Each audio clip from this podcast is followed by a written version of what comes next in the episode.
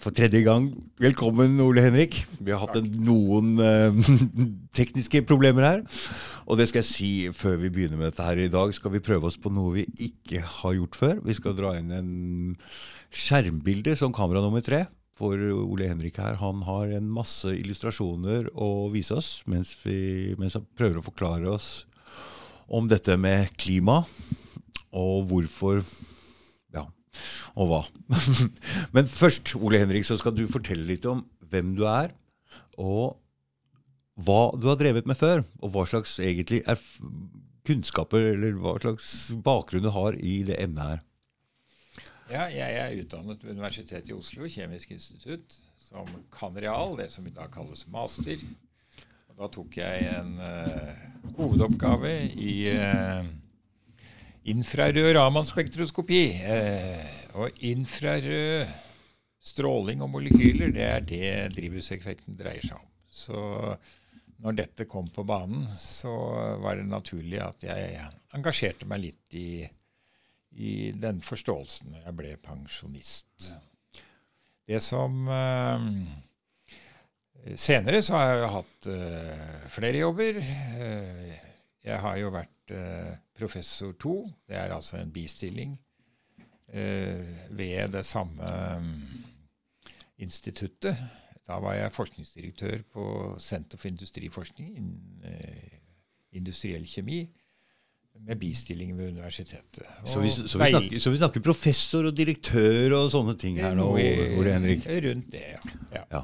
Og eh, jeg har jo i min aktive forskning brukt eh, mye infrarød spektroskopi. Jeg har arbeidet ved tre utenlandske og to norske laboratorier med dette. Men jeg skiftet litt felt fra, fra den rene spektroskopien da, til uh, katalyse og petrokjemi, som ga annen kompetanse i, i tillegg. Bl.a. mye prosessering og strømning og termodynamikk og mm. mange sånne ting som ellers uh, kommer uh, inn i drivhuseffekten og atmosfæriske fenomener.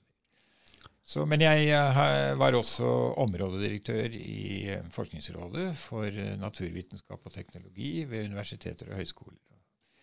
Og det kan jo da nevnes at jeg var med å promotere Nordklimaprogrammet. Mm. Var, Hva er det? Det er et program som skulle forske på klima. Ja. Her i Norge? eller? Her i Norge, finansiert av Forskningsrådet. Når var det? Ja, det ble vel etablert i 2003-2004. Mm. Eh, og varte jo en periode. Jeg husker ikke detaljene når det ble borte, for da var jeg også borte mm. fra, fra, Forskningsrådet som pensjonist. Mm. Men eh, det kan jo kanskje nevnes at det, det ble evaluert i 2012, og da var en av utsagnene ved evalueringen at man ikke bare måtte se på eh, CO2-effekten, Mm. Men at man også måtte se på de naturlige variasjonene. For det var summen av disse som ga klimaendringene. Mm. Men øh, jeg gikk ikke inn i denne debatten før etter at jeg var pensjonist. Da, er det en grunn til det? Jeg hadde mer enn nok annet ja, å gjøre. Det er det folk har. Men det var jo også sånn at uh, jeg, satt i, jeg satt i en masse komiteer, og en av dem var energikomiteen i Teknisk naturvitenskapelig forskningsråd fra 85 til 91. Og det var jo en periode Altså FNs klimapanel, IPCC, som jeg vil kalle det eh, fremover, mm -hmm. det ble jo etablert i 1988. Ja, vi vi bevilget penger til gode eh, energiprosjekter, inklusive energisparing. Mm. Men vi, vi, diskuterte ikke så mye IPCC. Nei. Heller ikke når disse rapportene kom. Nei. Ja. Uh, men uh, vi regnet jo med uh, Altså, vi er jo Vi er jo gamle FN-sympatisører da, fra skrev skolestil om eh, FN på gymnaset og greier. Det var mhm. jo bare positivt. Det var jo freds... Fredsengelen, holdt jeg på å si. Det er ikke, er ikke det nå, Ole Henrik? ja, ja, det er masse bra med FN fremdeles, bare så det er sagt. Så mm. vi kan godt forsvare mye av det. Og det å ha et forum hvor man kan ta opp uh, globale problemer, tror jeg er viktig. Men uh, som alle andre organisasjoner, så må de gjennomgås en gang iblant. Nei, så jeg regnet med at eh, FN skulle, eller klimapanelet skulle komme frem til en konklusjon som for meg, sånn a priori, altså på forhånd, var at CO2 kunne umulig ha noe særlig effekt. Eller det kan godt tenkes at CO2 har effekt, men økt CO2 fra dagens nivå kan ikke ha noe særlig effekt. Du vet, når vi tok opp såkalte spektre, så hvor mye stoffer som var innkapslet i en celle, og som man sendte infrarød lys gjennom, så mm. hvor mye det hvordan det absorberte stråling ved ulike bølgelengder. Hva slags celle? Hva slags ja, nei, Det var jo bare for å holde en gass innenfor fire vegger. Ja. Mm. Og så trengs det litt eh, ekstra snertne ma materier, siden man ser på infrarød lys som absorberer det meste. Mm. Ja. Men hvis du glemte å skru på luftrenseren, ja. så fikk du jo ikke noe spektrum. For det var altså så mye vanndamp og CO2 i i uh, lufta at uh, i de fleste bølgelengdeområdene så var det meste absorbert. Ja. Så dette var jo noe vi lærte eh, begynnerstudenter. Og når jeg har hatt kurs senere, så er jo det en del Det er noe av det første du lærer. Ja, men du, Bare forklar litt. Hva, hva er det for jeg, ikke, jeg, skjønner jo ikke det her, men, men infrarød mm, absorberer, og, og hva, hvor viktig er det egentlig for dette? Ja, det er, det er, det det dreier seg om. Fordi, det er det det dreier seg om, ja. ja fordi eh, altså, Teorien er jo at CO2 mm -hmm. Altså når Altså all, all materie sender ut stråling. Mm. Og den er bestemt av temperaturen. For mm. de som vil google på Stefan Boltzmanns lov eller eh, Plancks uh, distribusjonslov, så kan man uh, gjøre det. Mm. Men det sender ut stråling, eh, og nesten alle molekyler og all materie absorberer stråling. Mm. Så det er klart når det da går ut altså Hvis du tar, eh, tar et infrarødt kamera da, for å se på varmestrålingen fra et hus, ja, ja. Mm. eller fra deg, så ser du jo at det er forskjell på temperaturen på nesa, skulderbladene og mage og panne. og det hele. Sånn, ja. mm. Og blir du litt skikkelig oppheta, så endres temperaturprofilen av det. Mm. Og sånn er det på bakken òg. Ja. Så den bakken, i hvert punkt, så sender den ut stråling. Ja. Og hvis det ikke er noe atmosfære, så går den rett ut i lufta. Så det er det det går på, ja. Men mm. så er det da én eh, atmosfære eh, og det består for det meste av uh, nitrogen, nesten 80% og oksygen, litt mer enn uh, 20% og så ca. 1 edelgasser. El, ja, de, de Edelgassen, det er argon og den type ting. Ja. Og da regner vi ikke med vanndam, som kommer i tillegg, som kan variere fra 7% i tropene og ned til 30-40-50 milliontedeler i de kaldeste deler av ja, ved Polen og i Sibir og Nord-Canada osv. Mm. Derfor så går det ikke an å regne med vanndampen i denne prosentmengden. Den varierer så mye. Mm. Men derimot så er CO2 konstant. Den er konstant? da? Ja, altså konstant. Den er lik over hele kloden, men den varierer jo. Den har variert uh, opp gjennom årene. Den har vært uh, opptil 20 ganger høyere enn nå. Men du, bare for å stoppe deg litt, Er ikke det rart at CO2 er lik over hele kloden? Fordi jeg tenker, Det er jo plantemat. Om vinteren her i Norge f.eks. så ja. blir det jo tatt opp mindre CO2, blir det ikke? Jo da. Men sånn i, i grove trekk så sier man at uh, det er så mye dynamikk i den nedre delen av, tro, uh, av uh, atmosfæren. Vind, vind. Ja. Mm-hmm. ja, vind. Det er vind. Det er sidevind, som vi ofte snakker om som vind, men det er jo også konveksjon. Opp og ned. Opp og ned ja. Nettopp at, eh, Og det skyldes jo Temperaturer. Dette skyldes jo absorpsjon okay. av CO2 og vanndamp. Ja. Eh, som da overføres til varme. Det er derfor det er økt temperatur. Hvis du bare absorberer, og så sender ut stråling, så blir det ingen temperaturendring. Men det er så mye molekyler at de kolliderer. Så når de har tatt opp den, eh, og absorbert denne varmen, mm -hmm. så kolliderer de, og så overfører de den uh, energien til Hverandre. molekylenes bevegelse, Mm. og det er det som er temperatur. Mm. Men pga. all dynamikken så er konsentrasjonen av CO2 like stor. Mm. Omtrent. Okay. Og så er det som du sier, eh, så er det litt forskjell eh, når det, det tar opp eh, det, er jo, det er det som er plantemat. Ja, det er jo plantemat. Så når det tas opp mye fra lufta, Mm. så blir det jo mindre. Mm. Og eh, så er det sesongvariasjoner, selvfølgelig. Vår, sommer kontra vinter. Nå, nå, går, nå går det jo litt CO2 ut igjen, da, når, eh, når eh, ting råtner. For da når det brytes ned, så blir jo en del CO2 frigjort. Men hvor Men- mye CO2 er det i atmosfæren? Eller Ja, det, Da er vi nede på det, det berømmelige PPM-nivå. Det vil si milliontedeler.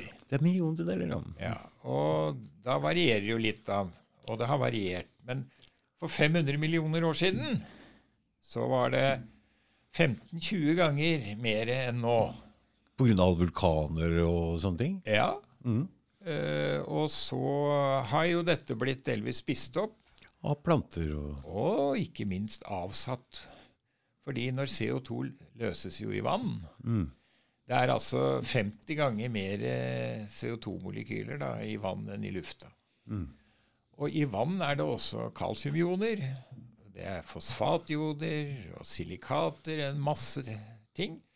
Som da dan som reagerer, Binder, bind, ja, reagerer. reagerer med CO2, som da har reagert med vann på forhånd. Mm.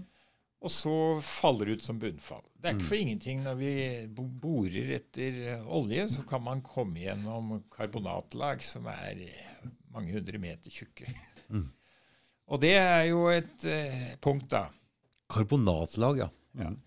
Ja, du har jo marmor, f.eks., Ja. som da kanskje er kommet opp igjen fordi det er jo geologisk dynamikk, så det beveger seg og kommer opp igjen enkelte steder. Andre steder kan det gå nedover. Du, er olje gamle planterester? Er ikke det?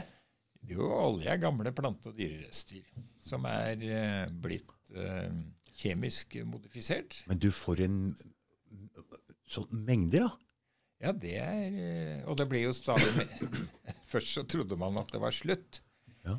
Det er interessant eh, at Shell tror jeg kom med en prognose om at i 2000 at eh, permanent oil shock Men det viste seg å være feil, for da fant man jo sånn skifergass. Mm.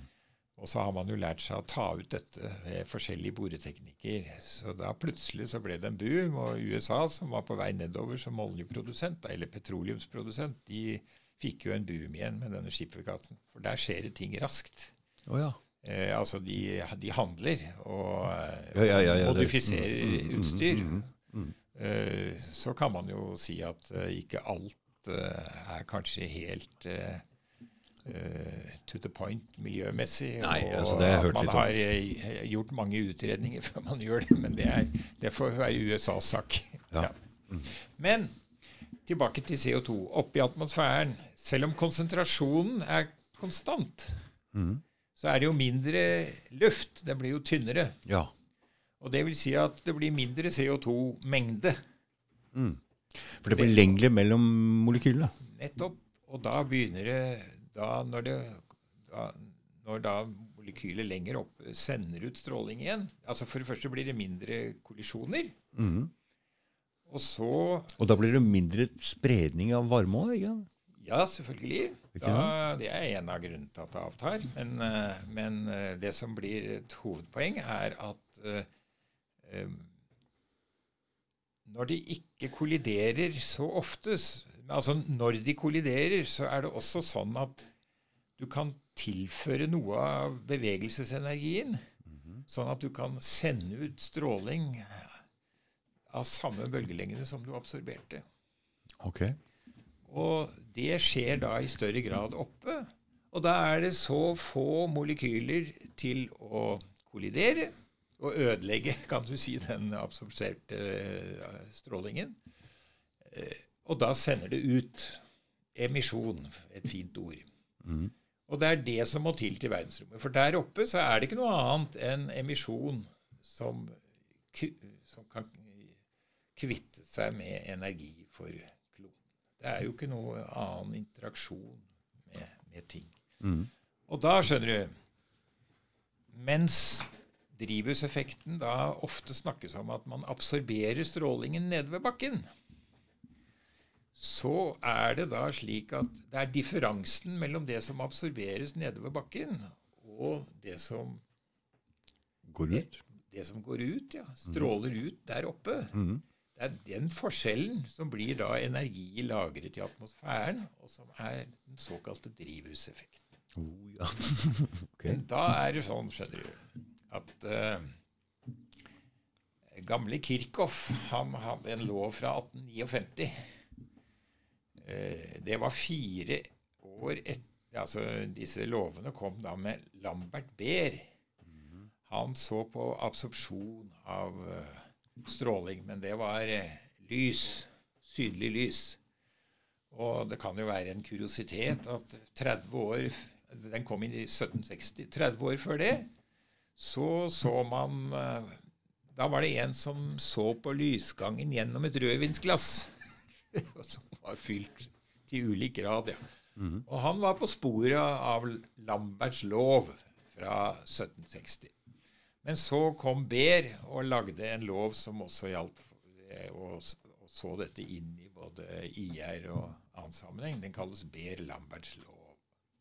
Og så kom Kirchhoff, og så sa han det at uh, uh, under ellers like såkalte termodynamiske forhold, det er ikke minst temperatur og trykk, mm.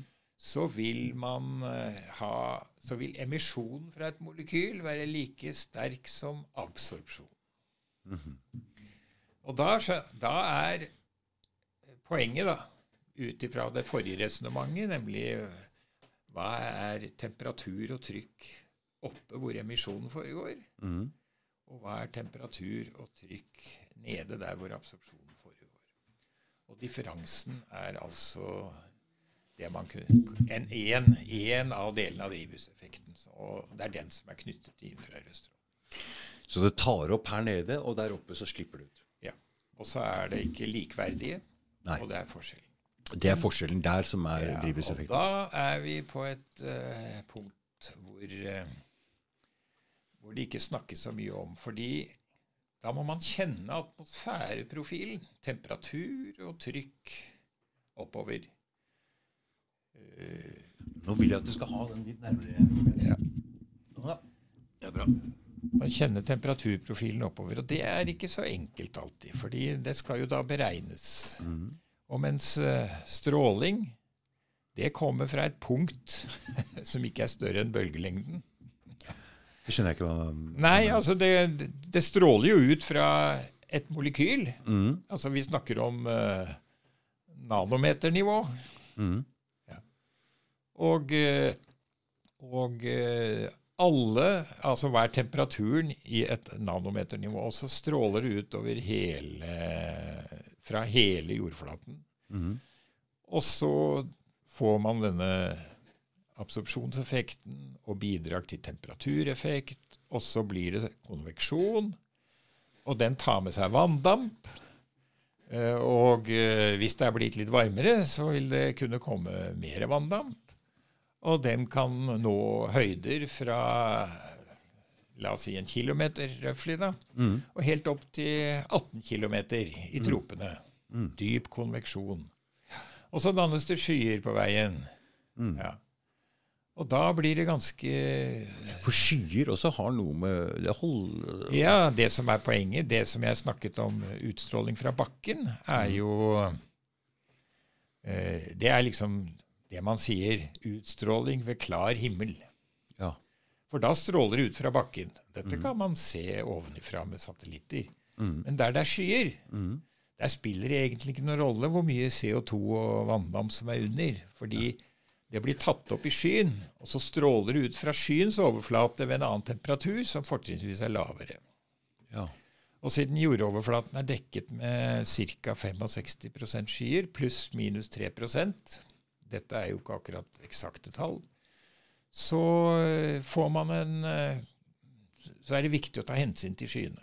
Mm. Det skjønner jeg. Men det å beregne disse skyene, eller det å beregne strømninger og trykk, det er ikke noe enkel sak. For disse modellene som det skrytes fælt av, mm. det er jo en altså Intellektuelt sett så er det jo en formidabel oppgave. Det er svære greier. Mm. Også, og Det var derfor du ville ha Jeg vet ikke om du sa det i stad, men du hadde drevet med noen sånn IT-greier hvor du prøvde å få større dataprogrammer for å regne ja, ut dette her? Ja, ja altså i Forskningsrådet.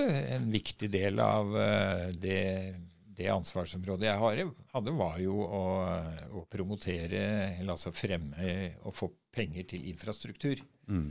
Og selvfølgelig IT. Og både på det vi kalte tungregning, mm. store beregninger, men også på kommunikasjonssiden. Å bygge mm. opp denne type systemer. Det var jo helt uh, sentralt. Og selvfølgelig så nøt uh, klimaforskerne godt av det vi greide å få til. Det var bra pro progresjon. Mm. Men når du skal beregne disse tingene, så kommer du opp i noe som heter turbulens. Det er jo masse turbulens i atmosfæren. Ja, det er, det er det når du detter i flyet.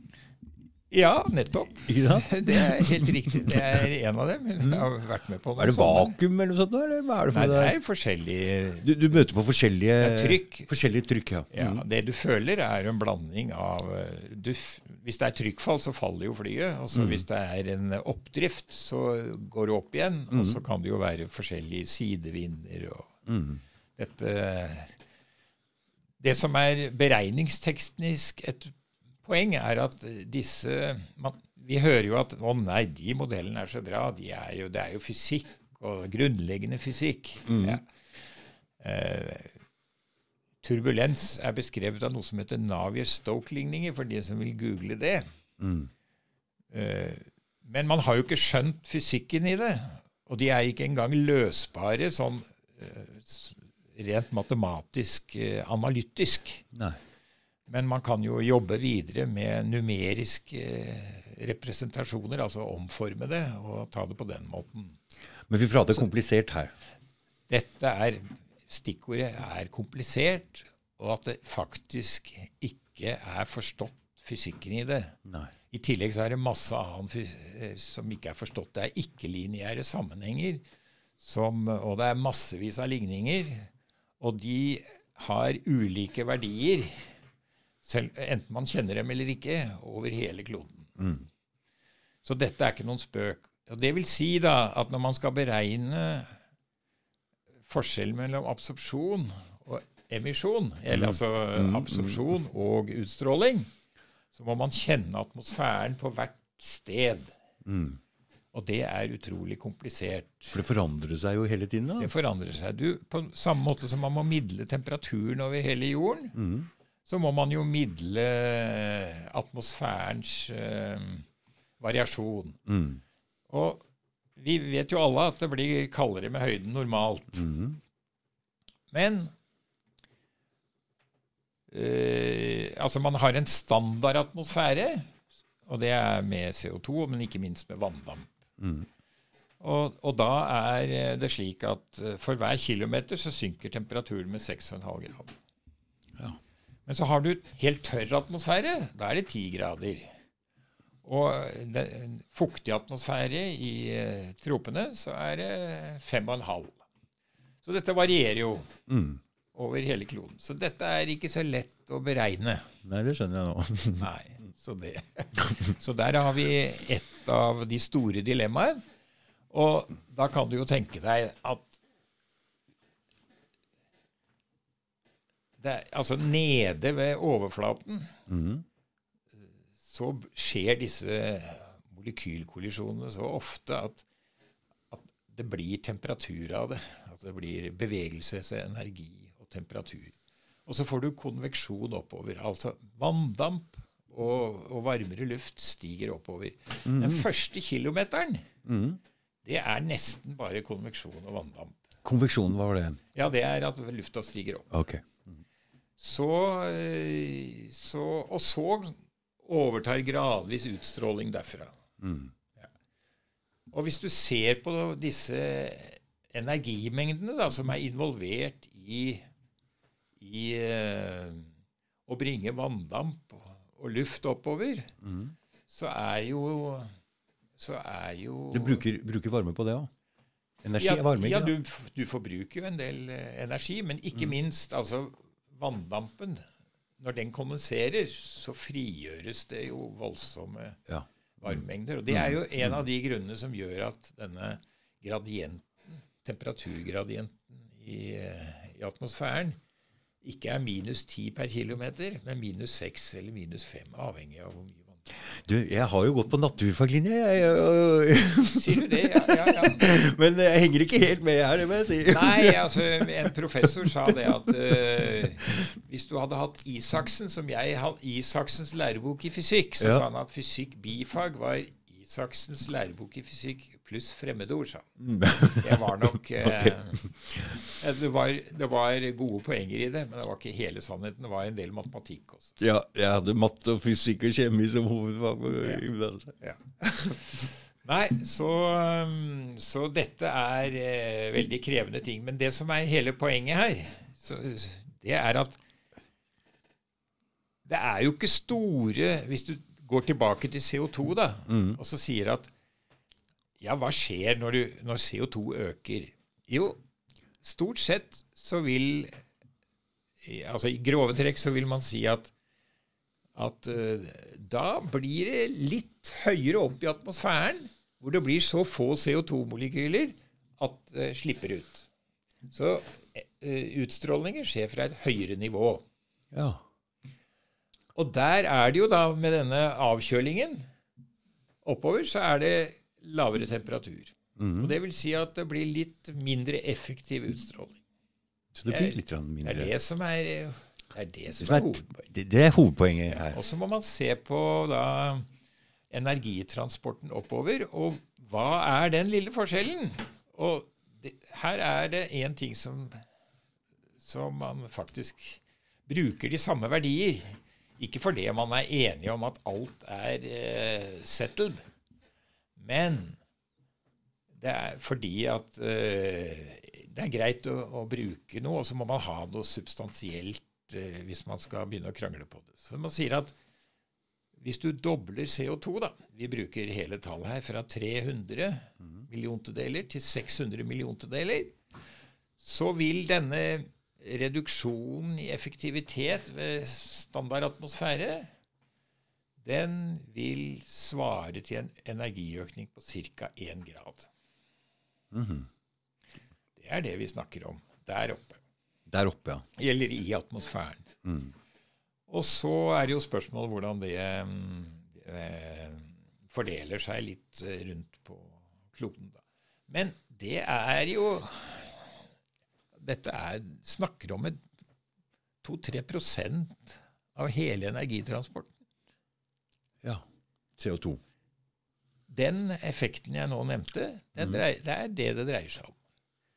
Ja. Og så med alle disse eh, problemene som jeg har nevnt, og altså fysikken er ikke kjent, eh, kan ikke løses matematisk, varierer over hele kloden.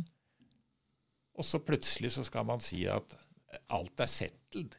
Mm. I realiteten så er jo den effekten fra økt CO2 den er så liten at den er mindre enn usikkerheten i beregningene. Det er det ingen som hører noe om, for alt, skal være perfekt. Og så kan du jo begynne å eh, ta det andre, nemlig at 97 av verdens eller forskerne skal ha akseptert at Ja, den der har jeg hørt flere ganger. ja, Obama bruker den, ja. Norske Ja. politikere bruker den. MDG er jo eh, Ja. i tet på dette. Alle er enig. Alle. Tenk deg at man er enig om at det er ingenting som eh, er usikkert i et så komplisert system hvor man kjenner lite. Det er jo bare en gimmick alt sammen. Det er det, ikke sant? Det er eh, retorikk. Ja. Og det er, nå har jeg prøvd å Det er en pedagogisk utfordring å, å nevne disse tingene. Ja. Men, eh, og jeg har prøvd å gjøre det enkelt, men det er ikke sikkert at eh, det oppleves enkelt. Og så kan man jo tenke seg, når dette skal omsettes i beregninger, og hvor så mange ukjente ting, Mm. også mye ulike data som skal inn. Fordi du skal jo ta observasjoner over hele kloden. Ja. Og eh, du skal ha observasjoner oppover i atmosfæren. Og man har jo ikke engang det. Man Hvordan vel... gjør man egentlig det oppover i atmosfæren? Tar er det varmluftsballonger? Ja, de, disse værballongene har jo Ja. vært brukt mye, da. Og Ja, så kan eh, dagens satellitter kan jo zoome inn på forskjellige steder. Men værballongene, slik jeg har fått det gjengitt fra de store eksperter, sier at værballonger er vel så presise som satellitter. Mm. Og de viser jo en profil oppover. Mm. Så eh, da kan man faktisk beregne dette på et sted. Han kan si her har jeg masse data. Her er temperaturen sånn og sånn. Mhm. Og så kan jeg beregne oppover hva som skjer. Mm. Og det kan man beregne da for dette stedet. Og da kan man beregne dette mye bedre enn IPCC beregner med sine systemer. Ja, for de bruker bare en da modell? får, man, da får man en kontroll på det. Ja. Og da Hvis man da hadde hatt observasjoner, så ville man altså kunne sett hvordan det, det stemte mm. med observasjonen. Og det har man. Nå skal vi prøve oss. Hæ? Nå skal vi prøve Nå oss. skal Ole Henrik Bare dra den, dytt den mikrofonen bort, eh, Sonja. Sånn, ja. Kan du prate samtidig. ja. Og nå skal Ole Henrik vise oss Nå skal, nå skal han Ove få en liten utfordring her også. Nå skal han prøve å finne fram det samme som um, Nå skal han vise fram noen um, il, i- Hva det heter Illustrasjoner? Nei.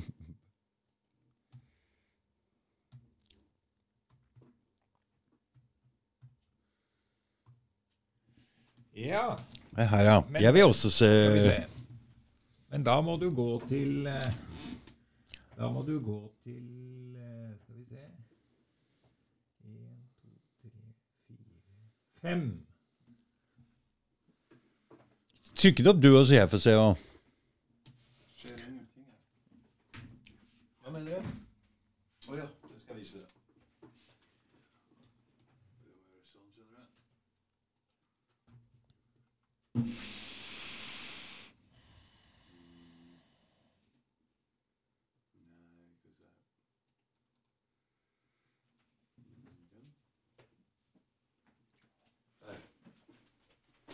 Ikke den han vil ha?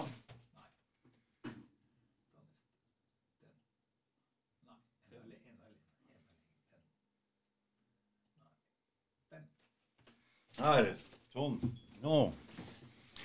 Dette, Nå. dette er eh, spennende saker. Det er ikke noe enklere enn det jeg har snakket om. Men Nei. eh, Hva er det vi ser her? her ser vi eh, langs den vannrette aksen, da, leksaksen, så har vi bølgelengde, kalt frekvens. Og oppover så har vi energimengde. Og da er det sånn at den blå kurven den er en teoretisk energimengde for den temperaturen som gjelder på bakken hvor lyset sendes ut. Dette er veldig, veldig vanskelig, Ole Henrik. Det er det som kalles Plancks lov. Hvis, hvis, man hvis man har en temperatur på bakken, så kan man sette inn i den eh, formelen, og så kan man regne, og da får man den blå kurven. Det er teorien. Aha. Den Den sorte kurven, den er tilfeldigvis fra en satellitt som gikk rundt kloden, og dette er da en Nimbus-satellitt fra 1969-70. Mm. den, den har en veldig dipp, dypp på midten der. Ja, det er mange dipper, og det skyldes at vi ser den sorte linjen, og det var det som satellitten observerte. Mm. Og så har man altså de mest eh, høyoppløselige data om atmosfæren og molekyler i atmosfæren som US Air Force har samlet siden 1960-åra. Er, er det den blå, eller? Det nei, det er ingen av de som er eh, Nei, det er ikke den blå. Nei. Blå er bare beregnet uh, Stefan Boltzmanns lov ved en okay. gitt temperatur. Så kan noen google det hvis de vil. Mm. Men den sorte er den observerte, og den grønne er hvis det ikke hadde vært noe CO2. Ok. Og forskjellen da mellom den eh, sorte og den grønne, som vi ser i midten der, Mm. det ville da være bl.a. vanndamp. Ja. Og så ser vi en annen dipp som vi aldri hører noe om, og det er ozon. Ozon, ja. Og da ser vi det at eh, i det området så følger den blå og den sorte linjen hverandre. For akkurat der er det det som vi kaller et vindu i det infrarøde eh, frekvensområdet, eller bølgelengdeområdet. Og der er det sånn at ozon nede ved bakken det, har, det absorberer også lenger opp. Så hvis du vil redusere absorpsjonen, så kunne det være greit å redusere absorpsjon av, CO, av, av ozon ved bakken. Er ozon O3? Ja. Og det er, eh, det er eh, ikke det vi anbefaler, selvfølgelig. Vi vil bare nevne at det skjer også. Ja. Og så ser vi helt til høyre, rundt tallet 1500, der kommer vanndamp igjen. Så vi ser, vi ser det vinduet Mm. eh, der hvor eh, den sorte linjen følger den blå. Mm. Og uten CO2 så er det altså da den grønne, og den med CO2-mengden som var på den tiden, som var ca. 330 ppm, Mm. Nå- Og når var dette? det var rundt 1970. Mm. Og så kan man jo beregne dette. For Ja. det, det, er, eh, det er noen som kan det. Ja. Men, men det, utgangspunktet er databasen til US Air Force. Mm. Og da får du Da kan du repre, eh, representere den sorte. Men du kan også si at eh, så Og så fjerner du CO2, så du får Men du, jeg skjønner ikke helt. Hva er frequency og, og, og, og bølge, bølgelengdeområder. Det er jo hvis, Ja, det er fint du spør. Du har det synlige spektrum, regnbuen. Ja. Mm. Og det er fra eh, bølgelengder i det blå området og ned til det røde. Oh, ja. Mm. Og da får du et såkalt spektrum. Mm. Eh, men du har tilsvarende spektre i dette området. Enda lenger ned så har du radioområdet. Radiobølgeområdet. Mm. Og da kan du nesten sammenligne dette med hvis du hører på Radio Luxembourg eller Motala eller Ja, en eller annen stasjon. ja, som var før i tida. i hvert fall, Skulle radio. du- ja, Mm, mm. det er en, da må du stille inn på riktig frekvens. ja. Og da er det sånn at uh, molekylene har innebygd i seg ut ifra hvordan de er konstruert, ja. Eh, kjemiske bindinger og hvor tunge atomene er, og hvor mange de er, og geometri, Mm. så får de noen, noen bevegelser som gjør at uh, der er det mulig å absorbere energi. Og det er det vi ser her. Okay. Uh, for de mer innvidde så er det vibrasjoner. Vibrasjoner, ja. Ja, vibrasjoner. Og så er det for gassmolekyler så er det sånn at uh, du også kan se noen topper for rotasjoner. Okay. Du ser det ikke for bevegelsesenergi. Der er det ikke, der er det ikke frekvensbasert, der er det kontinuerlig. Men hva betyr det her egentlig? Det betyr, og det ser vi jo i særlig grad, at uh, for det første så ser vi at uh, den grønne, Mm. den, der er det ikke noe CO2. Nei. Og det vil si at eh, når vi da observerer den sorte, så vil det si at ved, ved denne CO2-en så er det en energimengde som eh, svarer til forskjellen mellom den sorte kurven og den blå Mm. i det området som skyldes CO2. Ja. Og så kommer det og, og for dem som eventuelt tror at CO2 ikke absorberer, Mm. så er jo det verdt å ta med seg. Men det er jo ingen som diskuterer klima seriøst blant mine som ikke aksepterer at CO2 absorberer. Dette med å fornekte, det er en hersketeknikk. Så CO2 absorberer også varme? Ja. Alle, alle molekyler, bortsett fra nest, oksygen og nitrogen, Ja. og noen få til, mm. eh, absorberer og emitterer varme. Eller sender ut Er det stråling. noen grunn til at nitrogen ikke gjør det? eller? Ja, den, det er enda mer komplisert. Ja, det, har, ikke det. Det har jo noe med at lyset er elektromagnetisk stråling. Og gjennom den bevegelsen som en vibrasjon gjør, så må molekylet endre ladningene Ja, men på en sånn måte at du får en Ja, Nitrogen er jo ikke et molekyl, eller? Jo, det er et molekyl. Det er toatomet molekyl. Å ja, oh, ja, N2. N2, ja. Og O2. Ja. Mm, to, ja, ja. Så, øh, men dette blir for langt ja, å- da går vi ikke dit. La det holde enkelt mulig. Men hvis vi ser på denne figuren, så ser vi at det er en rød kurve.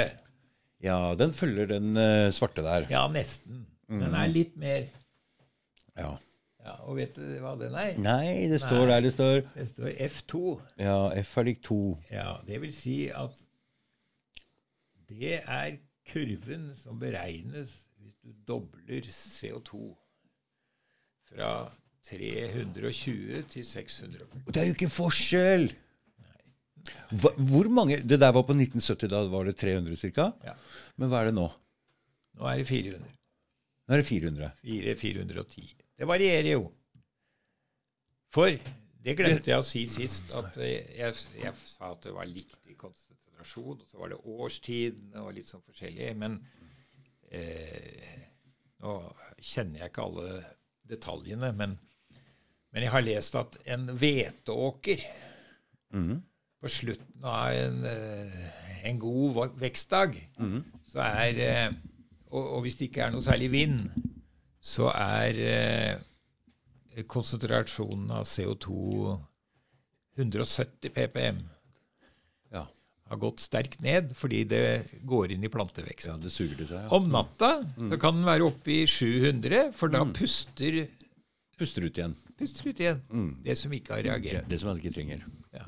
Og her inne er det vel nå blitt 800, kanskje? Kanskje for vi puster jo ut eh, avfall, eller vi er jo bygd opp av karbon, så det er jo vi det vil jo også si det at eh, Det er snart ikke lov å puste lenger, da, Ole. Hæ? Nei, men det vil jo si at om dagen, da, Ja. så eh, hvis det er Hvis mye av CO2-en er brukt opp, mm. så absorberes det også mindre, og drivhuseffekten blir på det stedet mindre. Men så midles jo dette gjennom luftbevegelser og alt mulig. Men eh, vi sier at eh, vi ser jo det at eh, det er, det er komplisert og variabelt, så man må regne gjennomsnittlig verdier når man skal regne over hele kloden. Du vet disse modellene Før så regnet de ja, var det 120 mil ganger 120 mil. En sånn kvadrat av overflaten. Mhm. I dag så er de kommet ned i 10 ganger 10 mil. Men for eksempel eh, er jo 10, 10 ganger 10 mil, altså det er jo Jo, herfra til Hamar, det. ja, det er Og kanskje enda lenger i luftlinje. Mm. Det er ikke det samme skydekket her som der. Nei. Så her ser vi problemer. Og eh, IPCC skriver jo i sine rapporter at de har en dårlig forståelse av skyer. Ja. Så når jeg snakket om denne usikkerheten ja, for det ser vi på værmeldinga. Dette klarer de ikke. Nei, det er klart. Det er jo klarer jo ikke. Nå er jo værmeldingen en litt annen eh, business, men akkurat hvis du skal regne eh, eksakt hva, hva drivhuseffekten er, mm. så må du se på hvor mye er, er eh, ren himmel, eller klar himmel, og hvor mye skyer, og hva temperaturen på oversiden av skyene er. Mm, For det er tjukkelse på disse skyene òg. Ja. Det er tjukkelse osv. Ja, så det er en komplisert sak. Og da kommer denne usikkerheten inn. altså Når dette er da noen få prosent av hele energibevegelsen, mm. så eh, Og, og ja, varme nedenifra sprer seg oppover og danner ulike eh, verdier for atmosfæren som bestemmer eh, utstrålingen, Mhm. Så skjønner man jo det at uh, uh, dette er ikke sikkert i det hele tatt. Nei. Og så skal jeg fortelle deg en, I 2006.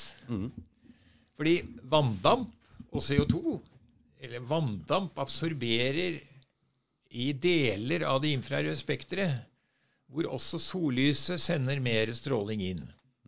Og i 2006 så kom det en publikasjon som viste at vann, det var funnet noen svake vanndampbånd som absorberte mer stråling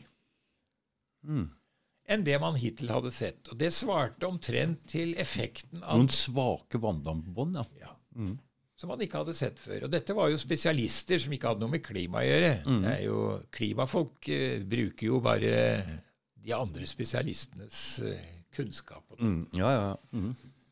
Og denne databasen til eh, US Air Force. Så, men det som er det interessante, da, er at da absorberte man energi på vei innover som svarer til omtrent effekten av dobling av CO2. ja. Ja. Med disse svake Ja, og fremdeles så visste man da helt sikkert hvor mye drivhuseffekten var. Ja. Da skjønner man jo at eh, Og, og når fant de dette? Aldri funnet det før? ikke? Det var noe nytt de fant. det, dette er jo dette er en typisk utvikling i vitenskapen. At man tar det man ser, og så får man bedre utstyr. Og så er det noen som går nærmere etter. Så her kom det enda en usikkerhetsfaktor inn i bildet, ikke sant? ja, det, det er en verdi altså Hvis du snakker om at det blir energi At, at uh, energien på vei ut mm, oppholdes, sånn at jorden blir varmere, så er, må man jo ta med den energien som går inn, og som blir redusert fordi den blir absorbert av atmosfæren. Og så skal man jo da ikke bare regne energien nedenifra bakken, men den energien som er absorbert i atmosfæren, den skal jo også enten videre innover eller utover igjen. Og det skal man også beregne. Dette er uh, veldig Man, man skjønner at dette, dette er ingen som har detaljert greie på og kan regne så nøyaktig som IPCC påkriver. Og da kommer vi tilbake til disse 97 prosentene. Ja, det der, ja. Kan ikke du fortelle historien om det, for det kan du sikkert. Ja, det er mange av de. Mm. Eh, Det begynte i 2004. Da var det en uh, dame som heter Oreske. Hun slynger stadig ut påstander uten å være så nøye med bevisene. Hun var også med i Folkeopplysningsprogrammet, hvor hun eh, ble sitert da, på mange av de samme urimeligheter. Det er folkeopplysning her i Norge? Det... Ja, det var et program uh, hvor klimarealistene var med. Jeg var med, jeg også. Oh, ja, det, men det er han derre Hva heter han der? Ja, Val. han Val, Val, Ja. Det var jo et program eh, for øvrig hvor vi fikk eh, beskjed om at vi skulle få lov å presentere alle tingene våre. Eller ikke alle, men noen få, og de viktigste. Og i den grad eh, vi ble kritisert, så skulle vi så svare. Ja, og så fikk vi da bare svart på én ting. Fordi, men Og så fikk vi ikke svare på noe, og så ble vi klippet i tillegg. Fordi jeg har jo hatt inn en annen dame her som prater om stråling og er litt opptatt av det. Da, og har problemer med altså hun, hun blir syk av det. Jeg tror jo på henne. ikke sant? Og de Ja. gjorde det samme med henne på det programmet der. Men det som er litt synd, det er at det programmet Jeg har jo sett på det noen ganger før, for noen år siden. Og jeg tok det jo som litt seriøst også, for det er noen ting der som er litt sånn Ja, det er veldig ujevnt. Veldig ujevnt, ikke Ja, sant? og så, og så eh, Jeg så på et sånn kostholdssak. Det var jo om kokosfett. Ikke vet jeg. Men eh, det jeg vet, er at det er veldig mye områder og menner når man går ned i detaljer i kosthold. Og ikke Ja. minst hva er det man ellers driver med, og, eller spiser. spiser. Og hvordan kan det påvirke akkurat den eh, komponenten som man Nei, altså- snakker om eller studerer. Og, og her det trenger man ikke å Man kan godt informere, men her ble det jo en sjikane av uh, denne damen som var kokosfettentusiast. Ja. Ja. Og det likte jeg dårlig. Men samtidig så var det jo uh, eh, opplysende om Tsjernobyl-ulykken og eh, de mange overdrivelsene som er i kjølvannet av Tsjernobyl. Så veldig ujevnt. Og i vårt tilfelle så ble det jo eh, altså en parodi på et program. Det er ikke noe vits å det er ikke noe vits å invitere vitenskapsfolk til å snakke om vitenskap når det ellers bare er parodi og skal være unger og psykologer og forfattere som skal slynge ut sine påstander. Så du likte ikke den, nei? Nei, og, Ble behandla dårlig? Ja, jeg, jeg, husker jo Jeg presenterte en kurve som er utrolig viktig. Og så um, fikk vi da vite at Og så ble den jo sjikanert, for det var en meksikaner som hadde laget kurven. Uh, meksikaner er seriøs nok, han. Men poenget er jo at uh, det var kurve over CO2, de siste, utviklingen de siste 500 millioner år, mm -hmm. og temperaturen. Mm. Og de går jo ikke sammen. Nei. Og det er mange forhold som, uh, som, spiller inn der, men de viser at det er ikke noen sammenheng i de store linjene mellom CO2 og temperatur. Mm. Det er på et mye mindre nivå. Mm. Og jeg har jo forklart litt av bakgrunnen til dette, men jeg har ikke fortalt noe særlig om, om hvor store disse effektene er. Og uh, da var, valgte vi figuren til meksikaneren, for den var rød og blå og tydelig på mm. TV. Mm. Men det finnes i fiolett og grått, og det, og det finnes i sort. Mm. Det er jo publisert i, i seriøse, de mest seriøse tidsskriftene. Mm. Så det var bare en sammenstilling og en layout. Mm. Og så sier vi det til han programdirektøren da, som vi snakket om i gjennomsynet, at må jo, dette må du jo rette på, fordi eh, det er jo seriøs vitenskap. Det er jo Science og øh, journalen og et par andre ting, og det er det som øh, er ansett for å være de beste dataene på disse tingene. Mm. Og så sier dere at uh, her har vi sitert en skarve meksikaner. Nærmest sånn som har våkna under sombreroen sin og skvetter opp og lager en kurve. Nei, de hadde sin, eh, de hadde sin eh, pressefrihet. Så det tok han ikke noe hensyn til. Sa, vi, vi, vi, dokumenterer jo her at det, er, eh, at det foreligger, og du kan gjerne snakke med andre forskere for å sjekke at dette er riktig. Nei, det var han ikke interessert. Og så blir det presentert. Nei. Men du vet det er NRK, og NRK har en uh, agenda om å støtte opp om en del ting. Ikke sant? Så Ja, jeg spurte jo under forberedelsen så spurte jeg han uh, som var prosjektleder, da. Han var ikke til stede ved gjennomgangen. Han hadde visst pappaperm.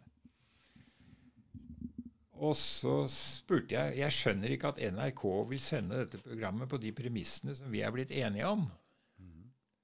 For dette var, hadde vi diskutert i, på forhånd, og det var dokumentert gjennom mailer og alt mulig. Ja.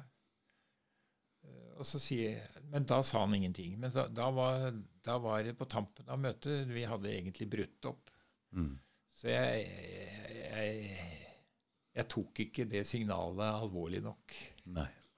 For du kunne sagt nei til hele greia da? ikke sant? Ja, jeg kunne sagt nei til hele greia. Men, uh, men nettopp fordi de hadde hatt en del uh, bra programmet på Val, ikke sant? Ja, bra. Eller, mm. altså, de hadde iallfall tatt enkelte ting seriøst. Så regnet mm. jo ikke vi med at dette skulle være, være et program hvor de egentlig sendte ut barnefortroppene, klimafortroppene. Mm, mm. Ja, det er det som er problemet med det programmet der. De tar noen ting ok, og så blir du liksom lurt inn i det. og så er det Ja, og... Uh, vi har hatt akkurat de, de den samme kunne, historien der før. skjønner du, En dame som var her. Ja da. Vi, eh, vi, jeg har vært med på det også i et debattprogram hvor man plutselig hadde disse miljøagentene da, som skulle eh, stramme opp familielivet når det gjaldt uh, miljøting. da. Mm. Uh, og for så vidt så er det jo greit å lage program med barn, og man må gjerne lage program med barn og klima også, men det er ikke noe vits i å gi inntrykk av at dette skal være en vitenskapelig debatt. Nei på ryddige premisser. Og så er det egentlig bare en gimmick. Det var som eh, en, jeg, en bekjent, god venn, som har jobbet med TV, som sa at eh, det var jo bare én hensikt med dette. Det var å prøve å få, det, få satt dere i så dårlig lys som mulig ved hjelp av forskjellige triks. Mm.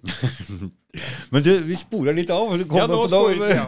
Fordi du skal fortelle om den historien med ditt 97% konsensusgreiene. Ja, ja, og det var Det Da kommer vi inn på han hvalen, Skjønner at det vekte en liten Ja, det var, eh, Nei, altså det var jo Reske som hadde Og, og det er for så vidt en interessant tilnærming. Det er kortversjon. Hvis man først uh, føler at at konsensus er viktig. Det er jo ikke noe viktig i vitenskapen. Ja, jeg har hørt flere ganger nå. Kent prater mye om det. All vitenskap er jo nesten basert på at det er én som finner ut at konsensusen er feil. Mm, for det er sånn det utvikler seg, ikke sant? Ja. Og så tok hun eh, Hun fant 914, tror jeg, sammendrag, abstract. Som handla om CO2 og ja, varme? ikke sant? Og da sa hun det at uh, det var Nei, det var 935, og så var det 914 som, som var enig i drivhuseffekten og CO2. Liksom. At det var en forskjell? Ja. ja. Og så var det en som heter David Leggett, som er professor. Han, er, han har vært klimatolog og professor. Mm. Og han gjennomgikk, eh, gjorde akkurat det samme, og han fant ut at det bare var noen få. Mm. Så, som, og da er jo spørsmål hva er de egentlig enige om, da? Mm. Ja. Det var bare noen få som uh, støttet IPCCs konklusjon, da, for å si det mm. sånn. I abstract. Det forhindrer ikke at noen kan være enig i den uten å ha skrevet det. Men man kan altså ikke konstruere en, en enighet på falske premisser. Og denne, dette bruker de hele tida? Ja, men så skjønner du, så har jo det vært flere. Det var en, det var en, en masterstudent som sendte rundt, rundt over 10 000 forskere. da. Mm. Og så fikk hun svar fra 3700. Mm. Men så var det da Hvem er klimaforskere? Og da, når hun var ferdig med å sortere hvem som var klimaforskere, så var det igjen 7 eller 78. Mm. Og så var det 75 av de som da støttet opp om dette. Mm. Ja, så det var liksom bare zoomet inn mot et eller annet sånt høyt tall oppunder 100 Men så kom det en ph.d. med en cook fra Australia. Og han tok en mye mer utvidet undersøkelse. Han uh, gjorde som Boreske og så på abstract i vitenskapelige journaler. Mm. Nesten 12 000. Mm. Og så skal vi se hvordan 97 eh, kommer av. For det første, 8000 av de sa ingenting om det. Nei. Du sa 12, ikke sant? Nei, av, av 12 000 ja. så var det to tredjedeler som ikke sa et pip. Nei. Og så Om eh, CO2s uh, betydning? Ja. ja. Mm. Og så var det da uh, nesten 4000 som sa et eller annet. Men hva de sa, var voldsomt diskutert. Mm. Og så sier man at uh, det var de som sa et eller annet, som da utgjorde de 97% av de 4000. Mm. Men hva sa de? Mm. For det er jo viktig. Mm. Ja. IPCC har konkludert gjennom eh, 15 år at um, mer enn 50% er menneskeskapt. Mm. Og det er jo det, det er den ikoniske konklusjonen deres. Så det mm. måtte jo være, skal, skal, man være enig med IPCC, så er det det. Mm. Og han Cook han fant 64 av 12 000. Mm. Som var enig med IPCC. Ja. Det er noe annet enn 97 mm. Når det gjelder å snakke om at CO2 har en eller annen drivhuseffektfaktor i seg, mm. så inkluderer han jo da i de 97% alle skeptikere. Mm. Inklusive meg selv. Og det vil jo si at uh, det er egentlig et uinteressert tall. Uinteressant tall. Mm. Det som er enda verre, på to måter, det er at materialet til dette prosjektet, for det var flere med, det ble plutselig funnet på Internett. Ikke lekket, det bare var lagt på et sted hvor man kunne finne det. Mm. Og det viste seg at den måten de hadde jobbet med prosjektet på, var ganske tendensiøs. De var veldig opptatt av å finne et riktig tall. Mm. Og det i seg selv er jo ikke særlig god vitenskap. Mm -mm. Det som er enda verre, det var at da det ble kjent at det var kommet ut, så gikk universitetet ut og truet med avstraffelse og anmeldelse. Det vil si at universitetet ville heller ikke at det skulle komme ut. Og det er enda verre. Mm. Men sånn er det i klima. I sånn er det i klima, ja. Mm. Så er det noen andre som Det er tydelig at det er noen som har en agenda her. Det er tydelig at det er noen som har en agenda. Men uansett så var det altså 0,35% som var enig i IPCCs konklusjon. 0,35 ja. ja. Det er noe annet enn 97, det? Ja. Så der ser vi da at når Obama og John Kerry og uh, våre egne politikere og de, alle de klimaihuga, de bruker jo dette hadde nær sagt, for det det er verdt. Det er jo ikke verdt noen ting, men det er verdt retorisk. Mm. Og det er uh, Altså, det tar litt tid å sette seg inn i det. Jeg har jo lest en del publikasjoner, disse som jeg har referert. Mm. Og uh, hvis man skal lese alle disse publikasjonene så nøye og finne feil, mm. så, blir, så, får man jo ikke gjort noe. Nei, jeg må være pensjonist. Ja, jeg må være pensjonist. Og, og, og, og, og kunne sette seg inn i disse ting. Ja, og mange pensjonister. Det er mange som kan sette seg inn i sånne tall og tabeller som dette her. Mm. Men 97% jeg sier at de som bruker det, anser jeg som fullstendig useriøse vitenskapelig sett. Uh, men uh, det får jo ikke jeg eh, meddelt, Nei. annet enn i podkaster og sånn. ja. For i, i, mediene for øvrig Nei. så slipper man ikke til. Og det er jo nettopp fordi vi har gode argumenter. Mm. Så vi slapp jo ikke til med disse tingene i folkeopplysningsprogrammet. Nei. Ringe og kjefte på han der Wahl. ja. En siste poeng med det programmet. Han viste jo også en Altså, vi har jo hockeykurven som, vis, ja, den hockeykurven, den kjent, som viser at det ikke er noe middelaldervarme, og det er heller ikke noe at det heller ikke er noe eh, lille istid. Ja, og, og, så er det jo kommet en lengre hockeykurve som går gjennom hele Holocen, altså mellomistiden vi nå er inne i. Det er, det er, det er, eh, det er bare noen småkrusinger. Liksom. Okay. Og den serverte jo hval, da. Mm. Jeg vil tippe at det er ingen det er jo ingen seriøse vitenskapsmenn som vil promotere den kurven. Nei. Selv om den er publisert. Og han som kom med den, som heter Marcot, han, hadde, han tok en ph.d. Og i hans ph.d.-grad Det gjør ikke noe om den er sånn, for det, det, det er jo på den skjermen. Så ja. det gjør ikke noe om man slokker. Men da slipper jeg å ta inn passord. Ja, ja, ja, ja. så, øh, så øh, han øh, Marcot han, han, hadde ikke denne flate kurven sin på samme måte i ph.d., men i en publikasjon så fikk han dette. En flat kurve, og så skal det gå opp i dag. Mm. Altså i den senere tid, på grunn mm. menneskeskapt uh, CO2-utslipp. Men det viste seg da at de dataene han brukte, stemte ikke med de dataene som lå i databanken. Dette er jo masse sånne paleontologiske Så det er bare svindel og bedrag? Så dette var eh, Ja, det, man kan bruke de ordene man, man vil. Man kan man har trådt til ganske mye. Men eh, det var jo en som sa at dette burde jo vært eh, dette burde jo vært ettergått og fått sine konsekvenser. Mm. Men uh, Marcot han gikk ut med et dementi og sa at det lå ikke det var ikke grunnlag for å trekke de konklusjoner om nuet en senere tid, mm. sånn som han hadde gjort.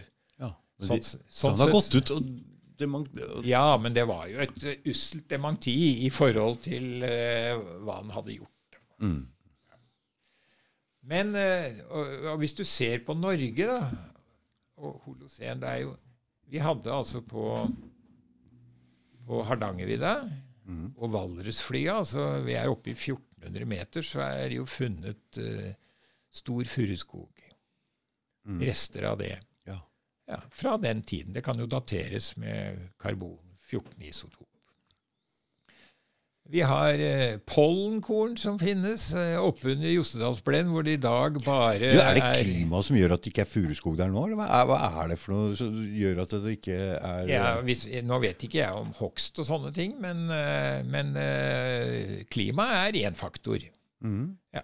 For det, det, de har vært mer CO2 Ja, det var jo, var jo, varme Nei, det var ikke noe særlig mer CO2 på den tida. Etter, etter eh, Nei, Så hva gjør det no, at noe Temperaturen. Temperaturen, ja. Mm. kryper jo Da, Men det er jo skogen. nesten ikke skog i Nord-Norge heller. Er det også temperaturen, eller? ja, det er et eh, bidrag fra den. Det som er ja, altså, Nå så jeg et program om skog Mm. i 1960-åra. Jeg tror vi fikk TV jeg, i 65. Mm. Og da var det jo sånne programmer vet du, på to-tre timer. Eh, Det var jo Kjell Arnot Vik og disse debattprogrammene. Men da så jeg et program om en skogforsker fra Ås som fortalte om noe plantefelt oppe i- ved Skjæringfjell. Mm. Hvorfor var det ikke skog nede? Og, og det var jo fordi at den kalde lufta siger ned. Hvis jeg Ja, ja. Det, altså, Mm. det er 50 år siden, da. Vær så snill. Ja, ja, ja. Så kalde lufta siger ned, sånn at uh, når under frøingen Mm. Så hvis det er for kaldt, da Mm. Ikke under frøingen, men altså frøene får ikke tid til å vokse opp fordi at temperaturen er ikke god nok. og Dermed så blir det heller ikke noe skog. Mm. Og så skal man ikke hogge helt opp til tregrensa, for da kommer en sånn kaldluftselv ned i Ja. stripen. Mm. Det var en del sånne ting man fant. Mm. Mm. Det er jo helt klart at økt, økt Hogst. temperatur, Ja. Mhm. det, får, det stimulerer plantevekst. Mm. Det er jo en av grunnene til at man har drivhus, selv om det er der mer litt Hva kaller vi det? Mer CO2-press. Ja, det, er jo, det er jo litt mer finfølende planter, da. Men, Mm, ø, men også de andre planter responderer jo på temperatur. Det er jo kjemiske reaksjoner. Mm. I tillegg så responderer de selvfølgelig på CO2. Mm. Altså det er, det er jo en uh, sak i seg selv at uh, selv Det er ingenting som er bra med økt CO2. Altså, det det. Absolutt ingenting.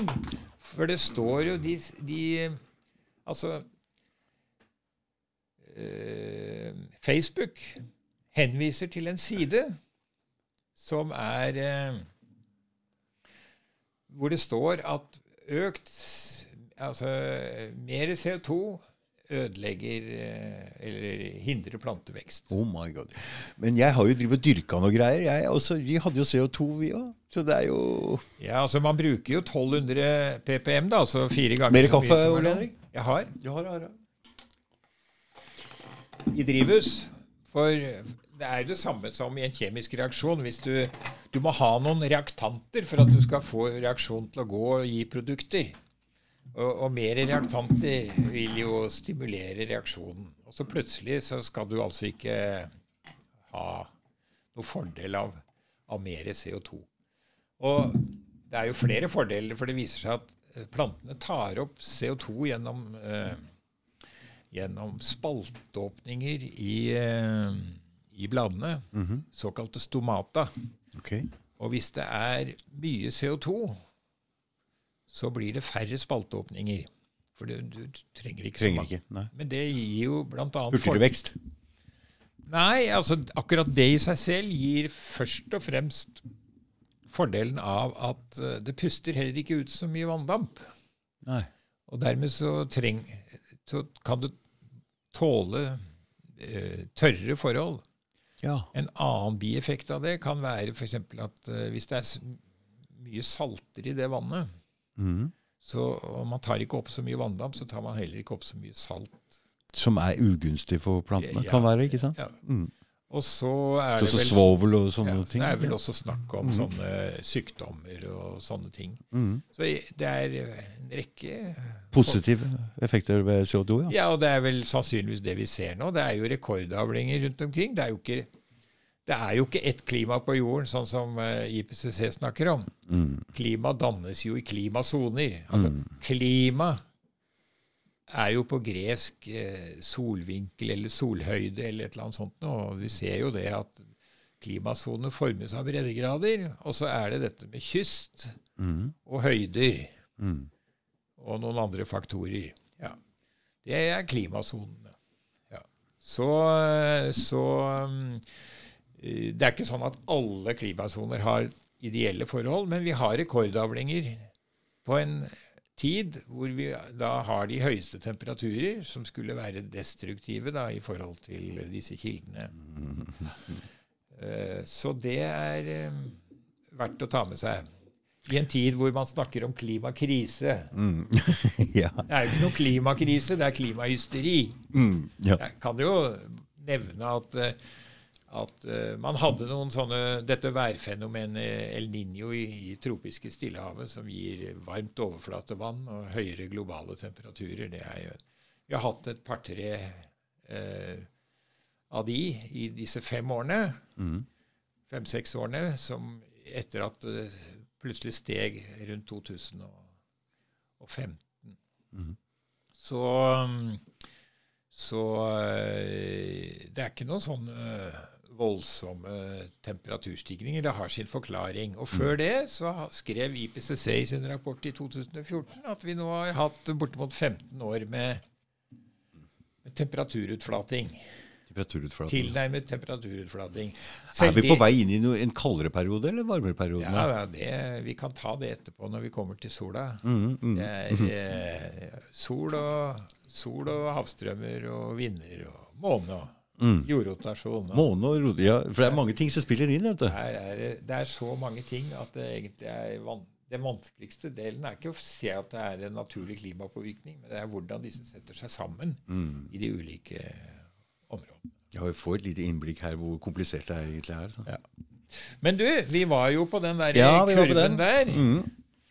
Og så har vi den neste kurven som er interessant, skjønner du. Ja, Da skal vi se om Ove klarer å finne fram den samme også. Kom, hvor er den? Den, er, den følger etter. Nei, nei, de er ikke kobla sammen. Den er sam, det er, det er samme kurve. Det kan vi se. Dette er den samme kurven vi hadde i stad. Ja, men det er, vi har en uh... Du viser den fram til oss òg. Vi ser på den, vi òg. Den. Den som kommer etter.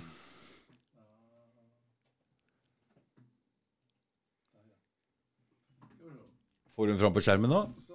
Oh. Ja, det er jo mye av den samme kurven, men det er litt andre forhold. Det er tatt uh, Den til høyre, det er observasjoner gjort av Nimbus-satellitten. Mm. Og det er over tre områder. Den øverste er Sahara. Den mellomste er Middelhavet. Og den siste er Antarktis. Det er Sydpolen.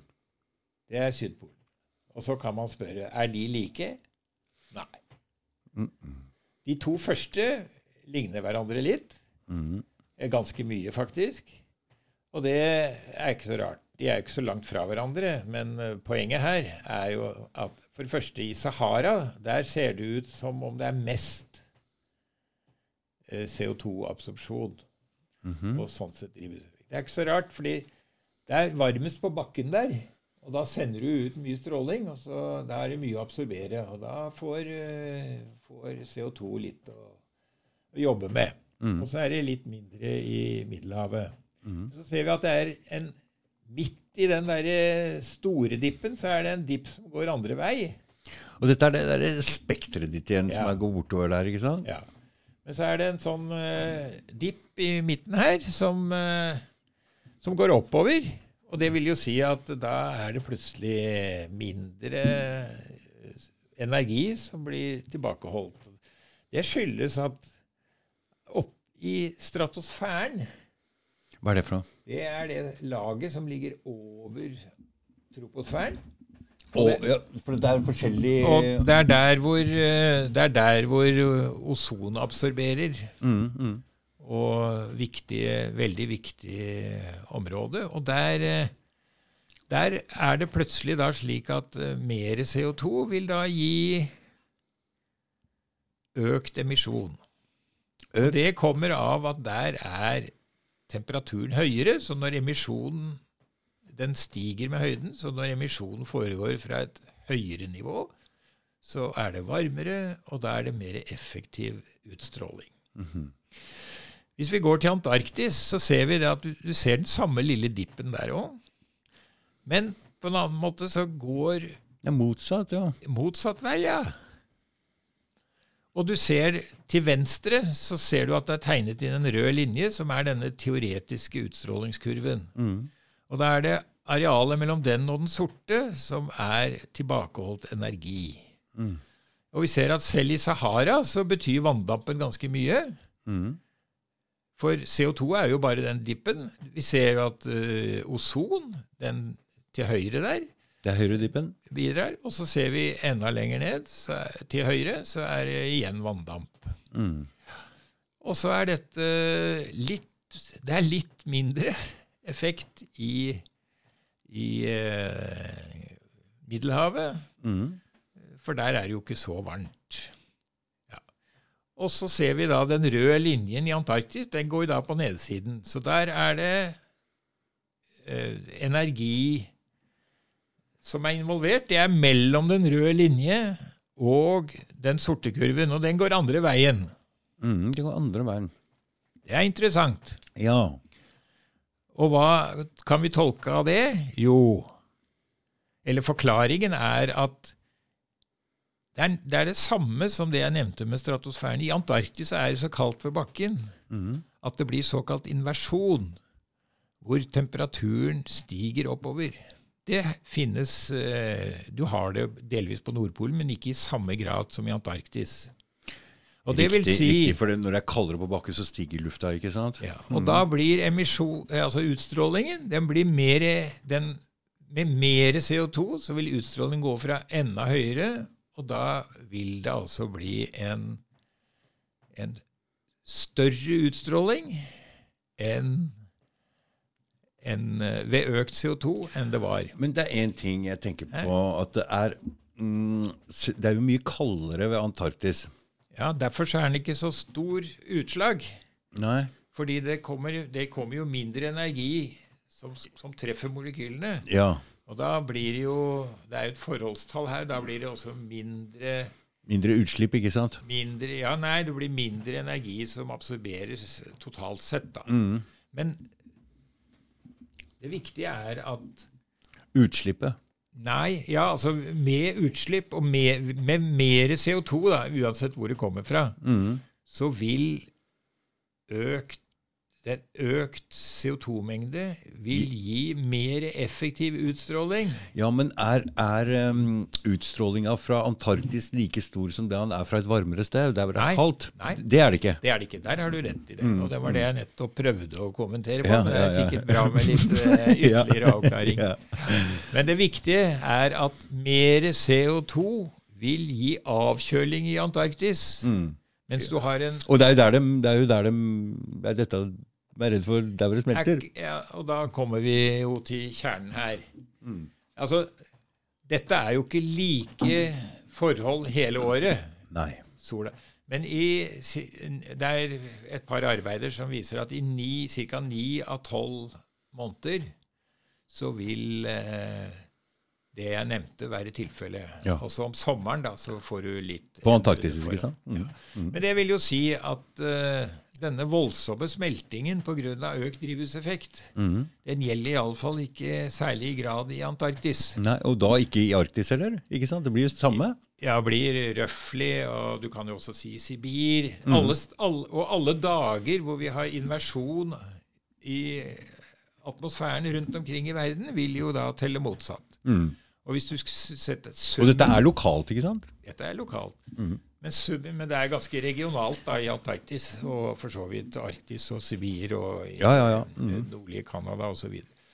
Men eh, da må man jo midle dette, og det gjør jo at for klar himmel så vil jo middelverdien av drivhuseffekten pluss også den effekten i, i eh, stratosfæren, mm. den vil bli mindre enn den ellers ville vært. Men det viktigste, de to viktige Så forholdene denne vil, den nederste vil liksom motvirke de andre Ja, ja, i eh, på en måte? i en Mm, jevne- gjennomsnitt. jevne- jevne Det viktigste er jo at denne trusselen med at havet skal stige 70 meter, Mm.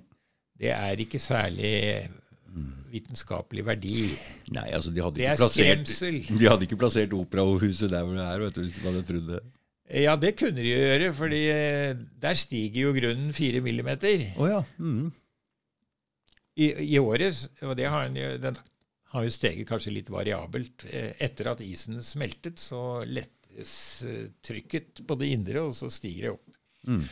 Men denne gurglevisen til Ingrid Bjørnov, som ellers var ualminnelig morsom å høre på, den har jo ingen realitet.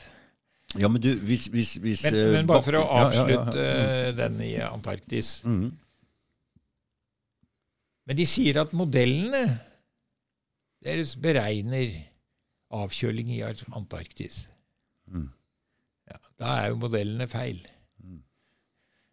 Det vil si, selve fysikken i modellene trenger ikke være feil, men da har de lagt inn feil eh, temperaturprofil, Mm. som gir feil resultat for Antarktis. Mm. Og da spør jeg meg 97% sikkert. Ja. Her var det mye som sprakk, og Mm. det, ikke minst så viser det oss at eh, modellene holder jo ikke. Mm. Skal vi ta den uh, Neste? Uh, Vi kan ta den uh, Den eh, for nummer fire, tror jeg. Får se, jeg òg. Skal vi se.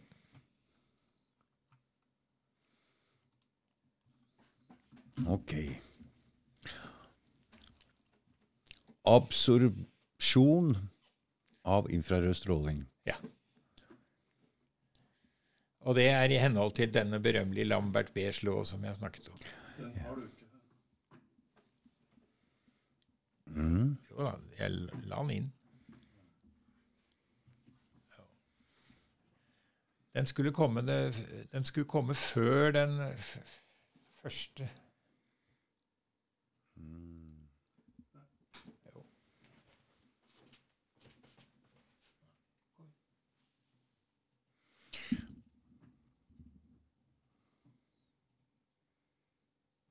Da har den falt ut. Nei, men greit. Ok. Vi får forklare den. Ja, prøv å forklare. Absorpsjon av stråling følger Lambert Beers lov, Mhm. som faktisk er ganske enkel. Den sier at uh, Men den inneholder et eh, lite populært uh, matematisk begrep for lekfolk, nemlig logaritmen. Men forholdet mellom utstrålt stråling og eh, absorbert stråling er en konstant som gjelder for et sånt eh, eh, gitt bølgelengde og absorpsjon, Mm. ganger konsentrasjonen, altså hvor mye stoff det er, ganger lengden, hvor langt den går gjennom. Det er, Konsentrasjon ganger lengde er jo da stoffmengde. Det er en eh, enkel sak, men den logaritmiske funksjonen gjør at dette stiger bratt i starten, og så blir det mindre og mindre effekt. Og da er det sånn at eh, for dette molekylet så er det 200 ppm. Der, da har det steget bratt, og da er mesteparten av effekten tatt ut. Ja. Og da var det sånn at på 300, som vi så i stad på 1970-tallet, Ja.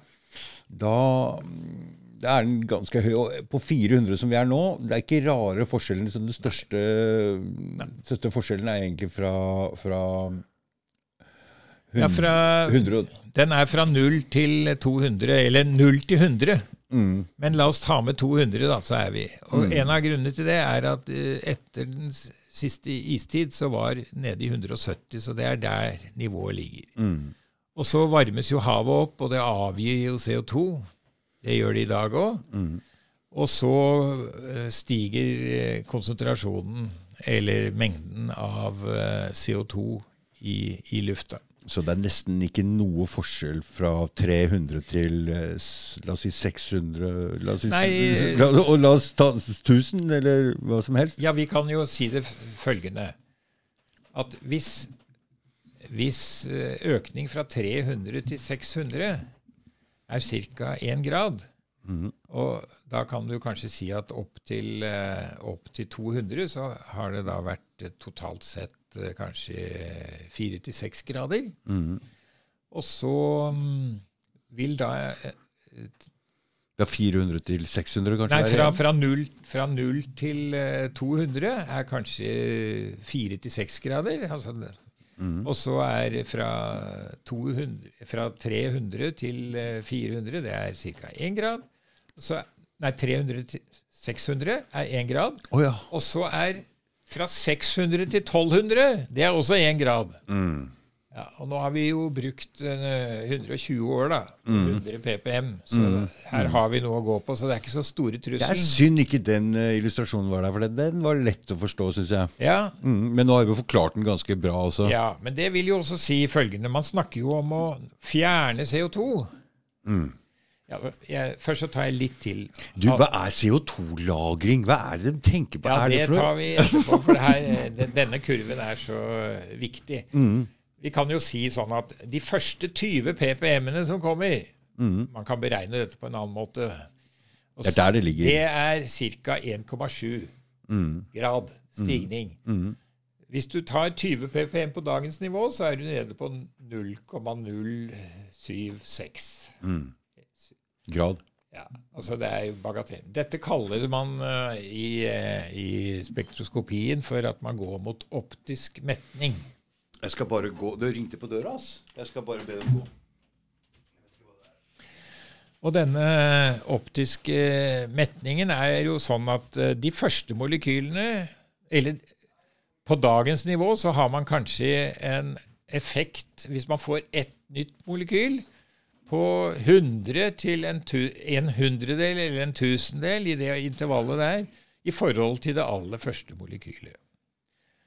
Men så ser vi jo da at hvis du reduserer CO2, så får du heller ikke all verdens redusert drivhuseffekt, for dette driger og skvalper frem og tilbake, eh, avhengig av CO2-mengden. Så denne voldsomme eh, reduksjon i drivhuseffekten som man skal få ved å fjerne CO2 og lagre CO2 i bakken, den, eh, den får vi jo ikke før vi kommer under 200 ppm, altså godt under det som, som var ved siste istid. Og dette er jo dette er jo fortrengt. altså Når man ser på nettsidene til Meteorologisk institutt, så nekter de jo for og De prøver å bortforklare denne eh, viktige faktoren. Og så har vi en annen faktor, da. Fordi man hører om metan, man hører om ozon, hører man ikke noe om, men eh, den er jo der. Og så hører man om det som kalles lystgass, som kommer bl.a. fra jordbruket. da. Og, da, og så hører vi at dette har vært kjent i flere hundre år. Ja, så kan man jo gå inn, da. Det er jo det fine med trykte artikler.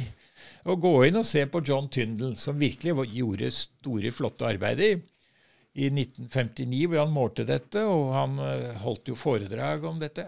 Jeg sa jeg 1959, det var 1859. 1859. Og så konkluderer han med følgende. Det er, vanndampen er den dominerende drivhusgass, og det er den som gjør forholdene i England levelig. Mm. Ja. CO2, metan, ozon og lystgass er ikke neglisjerbare, men de har liten effekt. Det gjelder den dag i dag. Mm. Og hvis du så den første figuren jeg viste av disse beregningene, Mm. så kan man legge inn metan. Og man, den var jo også i lufta når man absorberte i, eller observerte i 1970.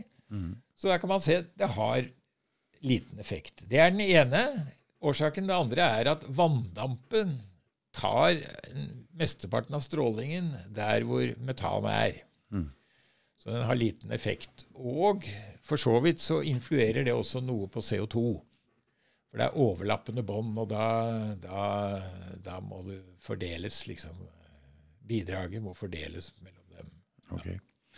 Så eh, allerede da i 1860 så var det sånn.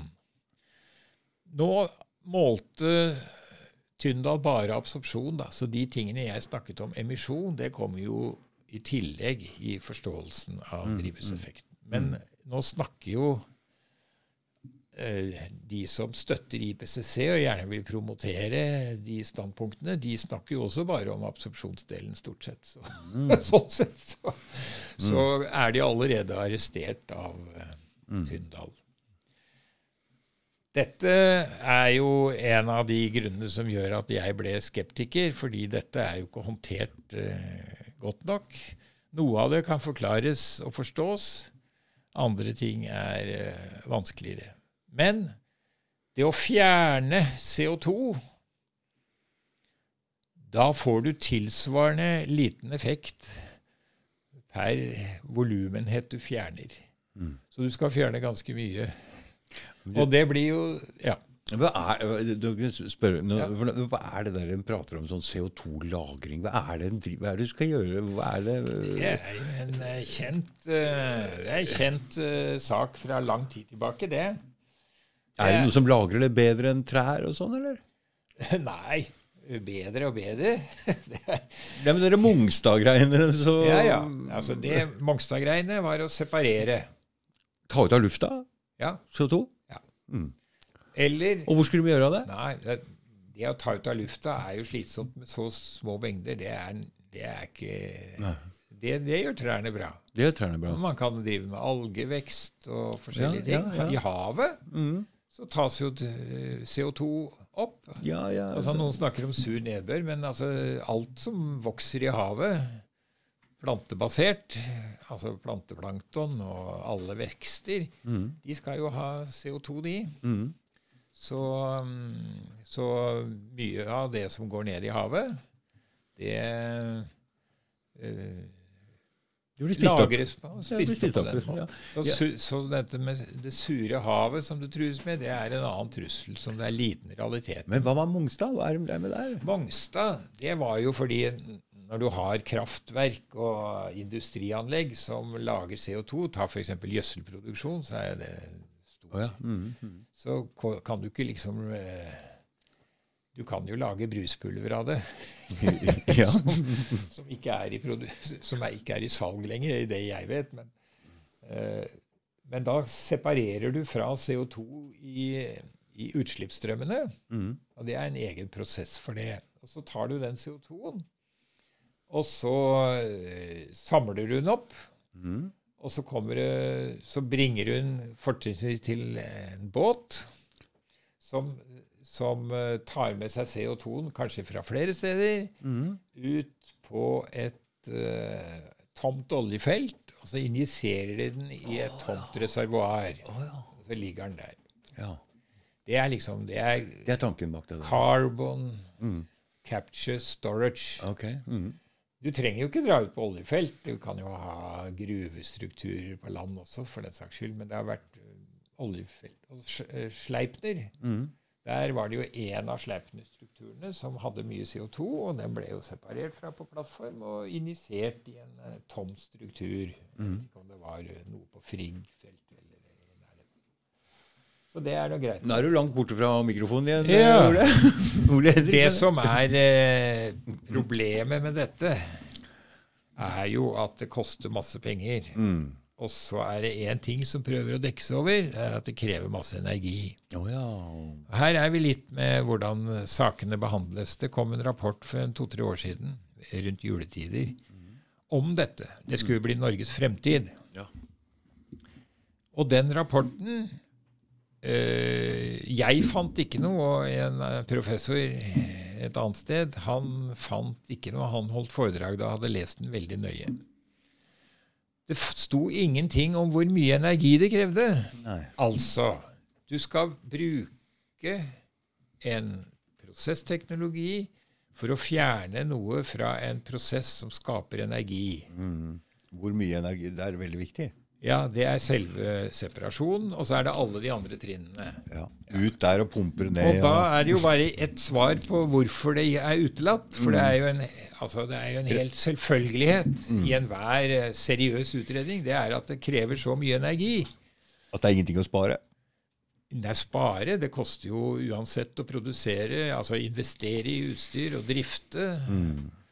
Men hvis, ta da, hvis du bruker 25% av energien, så vil du Så vil du Før du går i null, så må du bygge 25 Eller anlegg som produserer 25% mer energi. Mm. Og da kan du jo tenke deg hvordan bare det å ta igjen det for å drifte Mm. det, det, altså, så, så i liksom det store bildet så blir ikke dette. Man kan selvfølgelig si at nye anlegg skal ha dette osv., men det, det blir ikke noe bedre. Du må da legge på 25 i Men nå bare tar du et tall, ikke sant? 25% Ja, det er noen som mener at eh, det Cirka er, det er det. allerede, at det er en tredjedel. Mm. Og noen snakker om eh, 50 Jo verre blir det. Så du er snill? Jeg tror, jeg tror det er et konservativt anslag, men jeg har ikke regnet på det. Men jeg har jo jobbet med, med prosesskjemi, da, sånn Mm, at eh, det er, og for så vidt også eh, jobbet sammen med noen som, som med jobbet med Mm. Så du har litt grann inside info der? kjenner, jeg kjenner jo litt grann til det. Mm. Dette er, eh, dette er en far-fersj-sak, og det kjennetegner på mange måter Hele hele den teknologiske biten som jeg ikke skal snakke så mye om. Oi. Jeg kom borti musa di her. Ja, så lenge det, det Vi finner vel en råd med dette. Ja. Uh, der. Der er vi. Uh, det gjelder det meste av teknologi. Det skal skapes et inntrykk av optimisme som er uh, helt urealistisk. Eh, Og det er en og- ting Det her kommer til å koste oss så mye penger, vet du. Den greia. Ja, altså det var jo en konferanse i Norge, var det i 2011 eller 2012, med IEA, altså International Energy Association, som sa det at å stabilisere CO2 på førhistorisk nivå, det vil koste 300 billiard, 300 milliarder norske kroner. Det var 300 norske statsbudsjett. Så dette underslås jo, fordi her skal vi bare fikse litt. Grann. Det koster jo under en tusenlapp, eh, ble det sagt i en sånn utredning om, eh, om samfunnets omstilling. Ja. Så dette var, eh, dette var Dette er dårlig. Det er dårlig når det gjelder vindkraft, det er dårlig når det gjelder solkraft. Mm. Og carbon capture er jo det verste. Jeg tror det bare holdes i live av utredninger Mm. og av forsøksanlegg for å gi et inntrykk at her Gjøres det noe. gjøres det noe, og det jobbes med det. Og det er litt morsomt da under covid Mm. så skulle man jo enes om et budsjett sist høst, Mm. for et år siden. Mm. Og det var jo ikke minst uh, covid som var uh, tema. Mm. Men Miljøpartiet De Grønne og SV, de, for å være med på covid, så skulle de forplikte regjeringen til å bevilge penger til carbon capture. Mm. Dette er eh, jo et spill som er etter min mening eh, hinsides eh, eh, politisk etikk. Når du har en så alvorlig situasjon som Koster så mye penger. Og så skal man i tillegg kaste bort eh, 25 milliarder på CCS, men også å koble de to, det syns jeg er direkte nedrig. De, Og men det de, har, er mye av det på dette arenaen. de to er kobla nå. Ja. På en eller annen måte. Det går rett fra det ene til det andre her nå. De ble kobla til eh, De ble kobla i, i det budsjettet for eh, Men det er jo ikke realisert ennå, fordi det skal jo gjøres mye før man virkelig begynner å, eh, å, å bygge ut. Da. Men dette var jo anlegget ja, Jeg husker ikke om det var eh, forbrenningsanlegget på Skulder utenfor Oslo, eller om det var eh, Nord eller sementfabrikken i Breviks som det skulle ta. Men det er dyrt og bortkastet. er Det ikke. Det, gjelder, det, hjelper, det hjelper ingenting. Disse tingene hjelper absolutt ingenting, fordi CO2 er en svak drivhusgass, har vært det. Og da Du får ikke noe klimaeffekt av det. Mm. Det er bare modellene til IPCC Mm. som får en klimaeffekt. Du skulle hatt tak i en av de der Miljøpartiet De Grymne og låst den inne sammen med deg i, Nei, noen, har, i noen timer. Jeg, Vet. Jeg holdt foredrag med, sammen med en av dem. Jeg Ja. sa at uh, hun ble satt ut av uh, argumentene mine. Jeg hadde vel ikke noe å si. Men uh, neste gang vi møttes, og da var det jo ikke til en suksessiv presentasjon av eh, standpunktene, så var hun ikke noe interessert i å høre på. Ikke høre på det. Nei, jeg hører jo mange si at å, det ville være fint om du hadde rett. Det er jo bare eh, retorikk, det også. Mm. Ja. De eh, ønsker jo ikke det er, De ønsker De har jo basert og bygd hele karrieren sin på det her òg, vet du. Du Man kan på. jo spørre seg hvor Er de interessert i å er de, er de interessert i eh, å se på kunnskapen her? Mm. Det er jo det er jo et internasjonalt uh, forskningsfelt hvor det ja, det var noen som hadde en oversikt som sa at det kommer 500 publikasjoner om nat som styrker naturlige variasjoner i løpet av året. Mm. Det er jo ganske mye, da. Mm. Og det skrider frem både når det gjelder havstrømmer og sol og vind og tidevann, altså månen. Og eh, det er jo også på CO2 og, og plantevekst. Ja. Så det er masse. Men eh, NTB distribuerer ingen av disse, om det er etter eget forgodtbefinnende, eller om det er fordi eh, avisene likevel ikke er interessert. Det er ikke godt å si. Men sånn, sånn blir det. Ja. Du har flere modeller eh, her. eh, Eller heter det modeller? Hva heter det? Ja, det heter vel grafer. Grafer. ja. Ja, jeg syns kanskje vi kunne nevne en, eh, et viktig aspekt her. Altså vi, For det første, eh, vi må snakke om Arktis, Mm. og så må vi snakke om sola. Mm. Og eh, har du den der solkurven? Den skulle være en av de første, tror jeg, som ligger i køen din. Ta den fram her, så får du se åssen den ser ut. Ja, skal vi se. Vent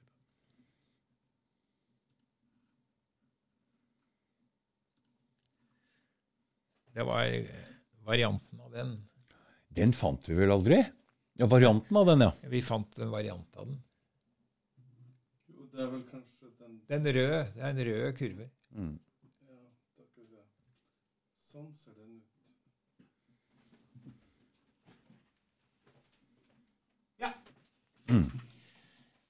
Eh, I- IPCC sier Nei, solen, den, eh, den har ikke noen eh, økt eh, betydning.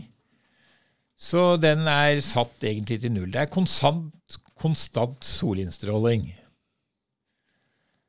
Ja, det er en sannhet med modifikasjoner. eh, Men uansett så snakker vi Er den nede på 1 watt, eller er den på 3 watt?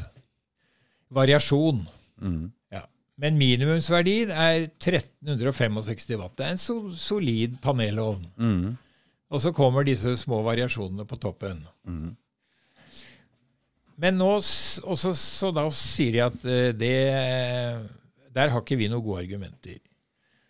Men så sier da de som eh, jobber med sol fra vår side, og da snakker vi internasjonalt, og mange av dem har vært ledende, sannsynligvis vesentlig mer ledende innen solforskning enn de aller fleste på IPCCs side. De sier at det er ikke so total solinnstråling. Det er solens aktivitet. Mhm. Og den reflekteres gjennom disse solflekkene, som kommer og går i perioder. Og det er ca. 11-12 år. Egentlig så er det fra 9,5 til 14. Eh, Så den varierer. Men eh, dette er jo bl.a. koblet til eh, Jupiters planetbane, da, Ok. som er 12 år. Mhm. Og så kommer Venus inn, og jorda. Og så, og så kan man telle solflekker. Og så finner man ut at samtidig med solflekkene så varierer da noe annet. De ser mørke ut, men det er lyse felt, sånne fakula, rundt disse solflekkene, som da gjør at det blir en totalt sett også større solinnstråling. Mm. Ikke mye. Men det er en forskyvning i fre frekvensspekteret. Altså frekvensen eller bølgelengdene fra det infrarøde, altså det lavenergetiske området, og over mot UV. Mhm. Eh, Og så er jo spørsmålet hvilken effekt det har på jorda. Eh, UV og det blå området er jo det som går lengst ned i, i havet, nesten 200 meter, mens infrarød stråling det går 20 mikrometer. Mm -hmm. Så under en, langt under en millimeter ned. Mm. Og det er fordi vanndampen absorberer dette. Mm. Så Og så er det magnetfeltet, da. Det er mye. Hæ? Som er utrolig stort. Og da er det en eh, stor økning. Det jo, har vært snakk om 100% i den tiden hvor man har hatt disse, denne varmeperioden. Men denne figuren her viser jo da solflekker fra år 1600 og opp til eh, vel år 2000. Laget av en russisk forsker. Ja, Jeg vet ikke om den figuren du har, er det, men Abdusimatov han er leder av et, et uh, institutt, astrofysisk institutt i, i St. Petersburg, tror jeg. Men hvis vi ser på denne figuren, så ser vi at under den kalde, lille istid, og særlig under den kaldeste delen, som var siste halvdel av 1600-tallet, begynnelsen av 1700, og eh, like etter 1800, på napoleonstiden, og rundt 1900, det er kalde perioder, men litt variabel kulde. Den første kalles Maunder minimum, velkjent. Den andre Dalton på Napoleons tid. Den tredje var ikke så kaldt at det har fått noe navn. Mm. Og så ser vi det at uh, på 1900-tallet så var det det sterkeste antall solflekker. Kan jo føye til at vitenskapen er, gjør ikke enklere enn at uh, det er ikke så lett å telle solflekker, så det er selvfølgelig en vitenskapelig diskusjon på det også. Mm. Uh, så vet jeg ikke om 97% gjelder den tellingen som IPCC-representanten gjør, eller, eller den andre. Men det kalles grand solar maximum. Og det var det største på 8000 år. Og det ser man bl.a. fra radioaktive isotoper som dannes på denne måten. Og da da er det slik at uh, den varmes Hvis vi ser på eh, tendensen her, så er det sånn at når det har vært kaldt så har det vært lite solflekker. Mm. Og når det er varmt, så er det mer solflekker. Så sånn sett så følger uh, temperaturen på Er den blå kloden, temperaturen, eller? Det er en slags uh, Nei, det er en slags midling av disse uh, mm. solflekkene. Det, det, er ikke noe temperatur her um, nei. nei. Så um, så, eh, men vi, vi, kjenner jo, vi kjenner jo temperaturen i disse områdene og vet ja. hvordan det har vært. Altså, Lille istid har jo fått sitt navn eh, mm. berettiget. Og mm.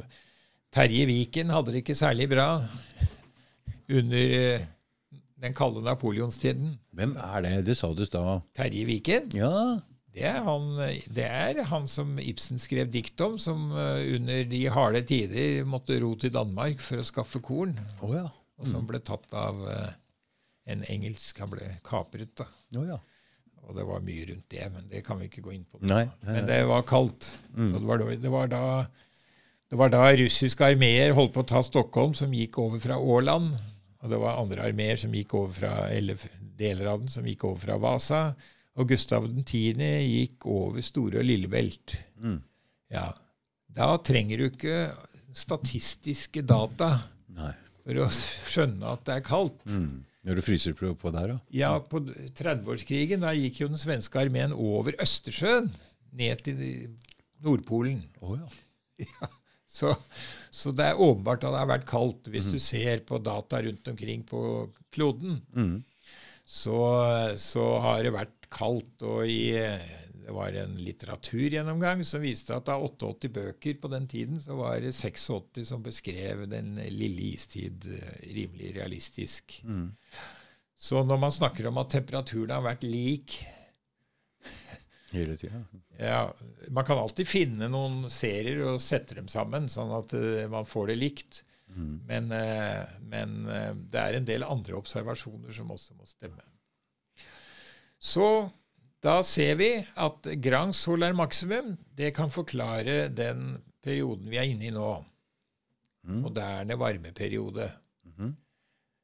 Enten det er eh, litt økt solskinnsstråling, eller det er eh, økt magnetfelt, eller det er frekvensforskyvning, eller eventuelt andre faktorer som er knyttet til en aktiv sol. IPCC snakker om total solinnstråling og glemmer de andre.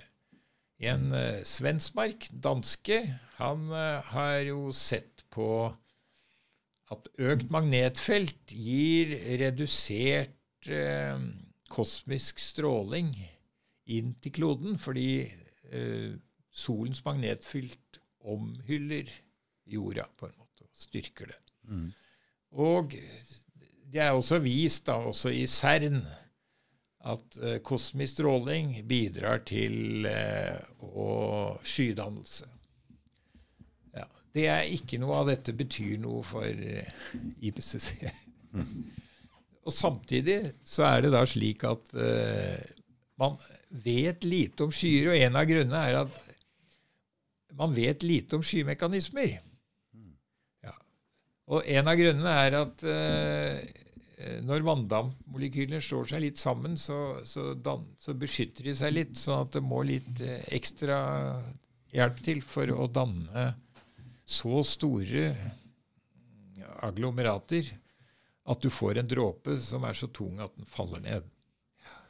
Men det Sein har vist, er at uh, kosmisk stråling bidrar veldig. Det er masse molekyler som kommer fra bakken. Mhm. Naturlig. Mm. Og menneskelige utslipp, sånn som, uh, sånn som sulfat, nei, eller SO2. Mm. Men det kommer masse SO2 fra havet, og også fra, fra nedbrytning av organisk materiale. Sånn uh, og så er det terpener. Det er en litt uh, større hydrokarbon som bl.a. Kommer fra skoger osv. Alle bidrar. Aldri hørt, om den, aldri hørt om den terpener, jeg. Ja. Metan og etan og propan og sånn. men Hva er det for noe? Nei, altså, terpener er eh, det er hydrokarboner, akkurat som de du nevnte, men det er jo Lengre? er jo, er, De har ringforbindelser og er litt store. Det er ikke bare lengre, de er ringer. Mm. Kommer fra, fra trærne. Mm. Så det er eh, viktig å ta med. Og så har vi jo disse gamle reinmakerne, da, indianerne, med bål og ullteppe, altså støv. Og de bidro jo til konveksjon, som, som fikk lufta til å stige opp og bli avkjølt Mm. mer, og som kanskje kunne gi noe regn hvis det oh, ja. Mm. Det er masse. Det var eh, noen som fant ut at eh, støv, altså naturlig støv, ikke bare fra mennesker, Mm. det var eh, underkjent i IPCCs modeller. Da, Snakk om å danne nedbør. Mm. For det, det, trekk, det, det er lett for vannmolekyler å feste seg på de støvgreiene? Ja, det er klart. Mm. Da, da får du andre mekanismer for å slå seg sammen. Mm. Og bakterier, det er også store Altså sto, store Relativt store molekyler som uh, bidrar. Mm. Så dette er en eh, dette er, Det er mange mekanismer som, som eh, leder til skyer, og kosmisk stråling er en av dem. Mm. Det var jo som uh, Svensmark sa, her driver man og diskuterer om det har noe effekt. Og så har vi et kamera hvor du se, kan kikke inn. Mm. Ja. Og det er sånn passe mye vanndamp der, da. Og så slår du på stråling. Mm. Og så blir det helt sånn eh, melkehvitt, liksom, av dråper. Mm. Det har man jo visst hele tiden. Det har vært et par nobelprisvinnere på hvordan man kunne se på ladede partiklers gang fra akseleratorer i CERN. Det var tåk, Wilsons tåkekammer og hydrogen boblekammer. Det var riktignok under ekstreme betingelser. Men det var jo nettopp kondensasjonskjerner man så. Så her trengte man ikke nøle så veldig før man hoppet på det. Mm. Men det er klart at det er ikke dermed sagt at kosmisk stråling er den eneste svaret. Ja. Men det finnes områder hvor det er veldig interessant å se på kosmisk stråling og nedbør. Mm. Og da hvor, hvor solflekkene og magnetfeltaktiviteten gjenspeiles. Og så er det ett av flere bidrag. Mm. Ja. Og det er jo litt av det som er kanskje komplisert. Det er å få alle disse bidragene satt sammen på den rette måten. Ja.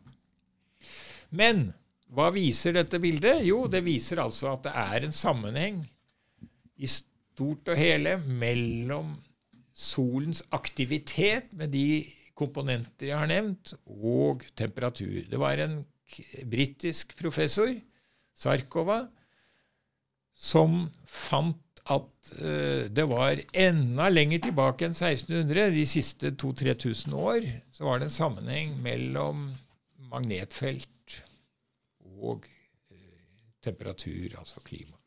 Så det magnetfeltet forandrer seg også?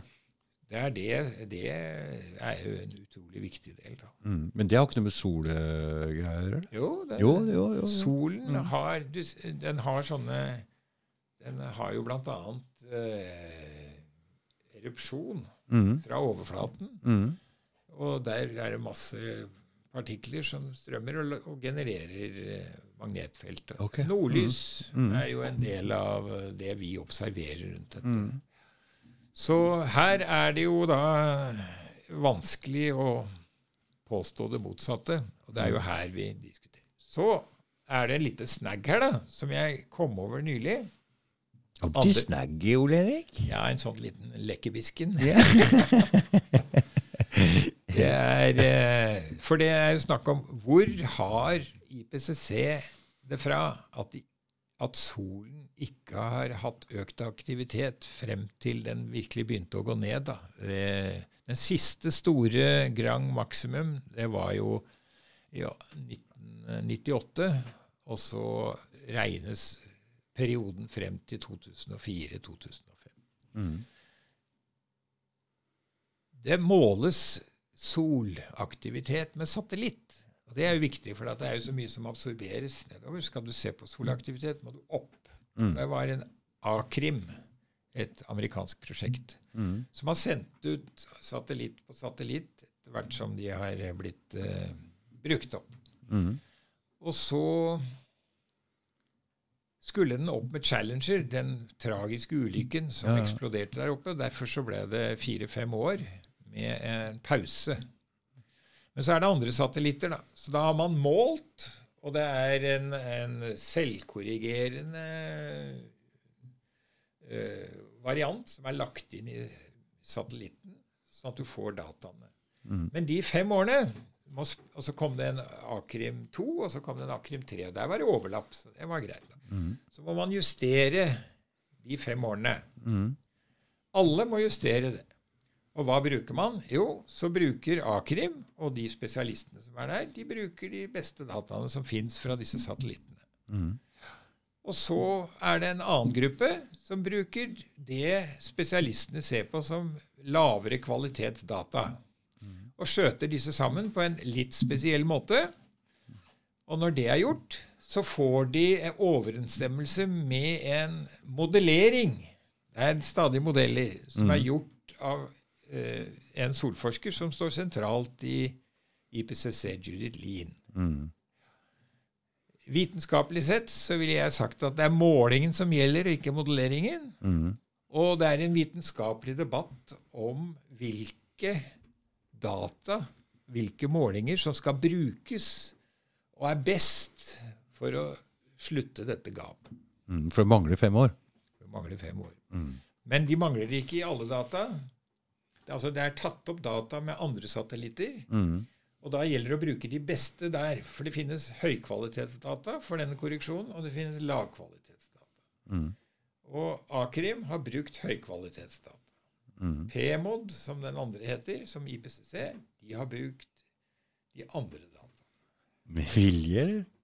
Det, det ligger et brev fra sjefsforskeren ved Akrim om at mm. han, han skjønner ikke noen annen grunn til at man korrigerer på den måten hvis det ikke var for å få overensstemmelse med modelleringen. Mm, men nå, de nye dataene de vil vel De nye dataene viser da at solminimumet i disse kurvene, mm. det stiger til 98. 1998. Det vil si at de stiger helt til, til slutten på Grand Solar Maximum. Mm. Og så er det et belgisk laboratorium som ikke måler på samme måte, men de teller solfliker. De får flatt, altså likt. Mens modelleringen, det går ned. Mm. Ja. Og så sier de derfor kan vi ikke ta med sola. Mhm. Og så sier jeg er man nå 97% sikker på det? Altså nesten alle blant de 97 er ikke klar over hva som skjer her engang. Mm. Så her ser vi jo igjen at det er, eh, det er mye trikk i vitenskapen. Eh, og at eh, man må gå i detaljer. Djevelen ligger i detaljer. Mm. Men når man ikke får lov å presentere detaljene, så er det jo ikke så lett å få frem djevelen. Ja, her er det Det var en solid dose Ja. med sol. Men mm. hva sier da de som modellerer solen? Og der har vi jo nesten alle solforskerne enige da om at solen vil i tiden fremover går inn i et minimum av typen Dalton, som da var under napoleonstiden. Det blir kaldt igjen, da. Hva? Det blir kaldt igjen. Ja. Eller her. Mm. Under måneder. Jeg vil tippe at det er Dalton, for at nå har det vært så varmt. altså Det er jo litt, eh, det sitter jo litt varme igjen i bakken, hadde jeg nær sagt. Og i havet, ikke minst. Ja, det gjør det, ikke sant? Så, så, men dette vil være et minimum rundt uh, 2030-40. Mm. Og så vil det være litt, og så vil det sannsynligvis krype oppover igjen. Mm. Men dette er en del av dette mønsteret som har vært sett. Men er det derfor de bytta fra clim, global warming til climate change, bare? eller? For å sikre seg for at det ikke Ja, nei, Det var jo fordi temperaturen ikke steg en periode. Fra, fra 1996, da, hvis du bruker sånn eh, midling og regresjon, Mhm. til 2015, så var det tilnærmet flatt. Det var altså det steg 400 eller Så det, ja. det ble vanskelig for dem.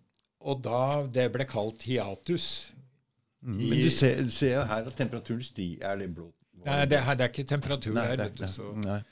Og den, den temperaturutflatningen, som jeg kaller det, da, den, den sto jo i IPCC-rapporten. Men det var ikke lov å skrive om den i norske aviser. Og når vi har hatt debatt på nettsiden, så har den også vært, eh, vært eh, eh, angrepet der. Det er altså ikke lov å så sitere IPCC, det som står inne i IPCCs faglige deler av rapporten engang. Det skal liksom være et frisert budskap.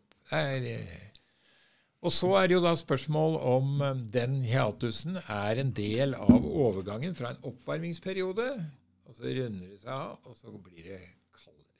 Og vi mener at eh, det blir kaldere ut ifra sammenligninger med solaktiviteten gjennom flere hundre år, og faktisk flere tusen år.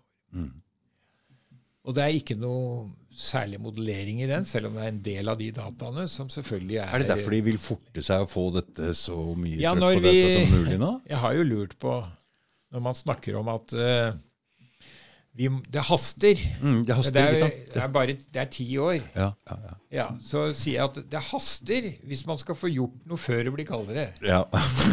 Før det blir avslørt helt, ikke sant? Ja, Men det er jo treghet i havet, da. Mm, mm. Det er jo, det er jo klart at eh, havet er jo oppvarmet. Og det er Mm. oppvarmet av solen. Det er ikke noe økt CO2-effekt. Den, den effekten fra økt CO2 som de påberoper seg, den går altså inntil 20 mikrometer. 20 tusendels meter. Ned i overflaten. Det er det vi kaller overflatehinna i vann. Og hva gjør den der? Jo, der vil den sannsynligvis aktivere litt eh, bindinger mellom molekylene, noe som kalles hydrogenbindinger, og kunne stimulere ellers til eh, at det fordampes litt vann. Det vil, mye av det vil bli tatt opp i en fordampning, Mm. som er å avgi vann. Altså Da returneres den til atmosfæren og går opp i atmosfæren og kommer ned eh, mellom åtte og ti dager etter som eh, nedbør. Og så går den hydrologiske syklusen. Mm. Det er, eh, det er eh, livets harde lov med havet. Og, og siden vi er inne på havet, så kan vi si at det er jo den store regulatoren på, på kloden. ja. Det er to grenser for, eh, for vann. Det ene er at eh, minus 1,9 Mm. for saltvann varierer jo litt hvor mye salt det er i, og Mm. ferskvann da med null. Da fryser det. Og så er det nesten ingen temperaturer over 30 grader. Og iallfall ikke over 32 grader. Nei. Og det skyldes at da fordamper vannet og tar med seg enormt mye energi. Og siden det er så lite spenn der, så vil det være en buffer, på en måte? ja, det er jo en, det er jo en regulator. Ja. Det er en skikkelig termostat. Ja, ja, ja. ja. Og det er jo derfor vi ikke får noen tipping point. Det er to grunn, flere grunner til at vi ikke får noen tipping point, men det er jo én grunn. Så kan Så den holder temperaturen på jorda stabil, på en måte? Ja. Mm. Og, så, og det ser du jo også i kyst i kystsoner. Mm. Altså klimasonene er jo ikke formet av CO2. Klimasonene formes av breddegrader og solhøyde. Klima på gresk er vel solhøyde eller solvinkel eller et eller annet sånt noe. Mm. Så dette hadde du jo skjønt for lenge siden. Mm. Og så formes det jo av havet, kystklima versus innlandsklima. Så formes det jo av topografien på land. Mm. Og så kommer vi over i disse kryosfære. Altså, det er jo særlig polene, Mm. men også uh, Nord-Canada og Nord, uh, Nord-Sibir. Mm. Som, uh, som er kalde og har sitt eh, eget klima, og hvor eh, snøen ligger og reflekterer eh, solstråling, annet. Men det er jo også verdt å Vi, vi hører jo f.eks. at det er CO2 i nord. De sier ikke så mye, men de prøver bare å gi inntrykk av det. Eh, og så sier de at når isen smelter, så så returnerer man ikke solstråling. Og da blir det varmere. Ja. Men det de ikke sier noe om, det er at eh, da kommer det plutselig enorme energimengder i hav, lagret i havet som st stråler ut, Mm. ikke reflekterer.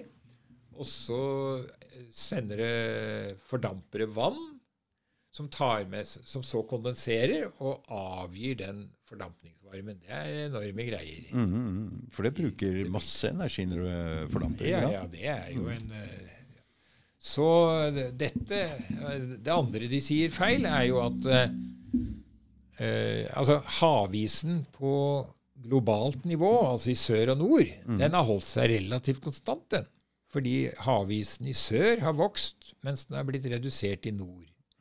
Og hvis deres argument skulle gjelde, så måtte man jo sagt at havisen i sør går jo mye lenger mot ekvator enn havisen i nord. Og det vil jo si at da har solen mye større effekt. Så, så det som reflekteres, blir jo mye større i sør enn i nord. da. Mm. Ja, så det er, ikke, det er ikke konsistent i forhold til å se det globale som de ellers uh, påberoper seg i enhver sammenheng når det passer. Mm. ja. Så dette er, eh, dette, er, dette er den blå planet. Men så kan man jo si at eh, hvis du koker bort vannet, så vil jo eh, jorda over år få det litt traurig. Mm. Men eh, det, det, da snakker vi ikke om de temperaturene vi har nå. Mm. Det er den blå planet. Mm. Og det, det er jo derfor vi, vi har den vi har. Mm. Og det er jo derfor Tyndall i 1860 sa at det er vanndampen som gjør forholdene i England levelig. Mm. Og så er det jo sånn da at uh, denne vanndampen, den mener jo da IPCC, hvis vi går tilbake til infrarød stråling, så sier de at de er enig i at CO2 er en svak drivhusgass. Det har jo stått i lærebøker overalt, så hvorfor skal man tukle med det vitenskapelig? Man kan prøve å innbille lekfolk det.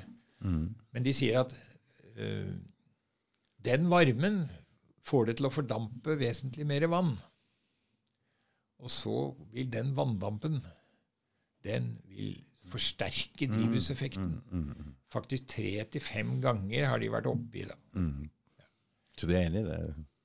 Men nå er det sånn at der hvor denne drivhuseffekten skal være, ha størst effekt et, i henhold til modellene deres, der observeres det da både ved værballonger og med satellitter mindre vanndamp.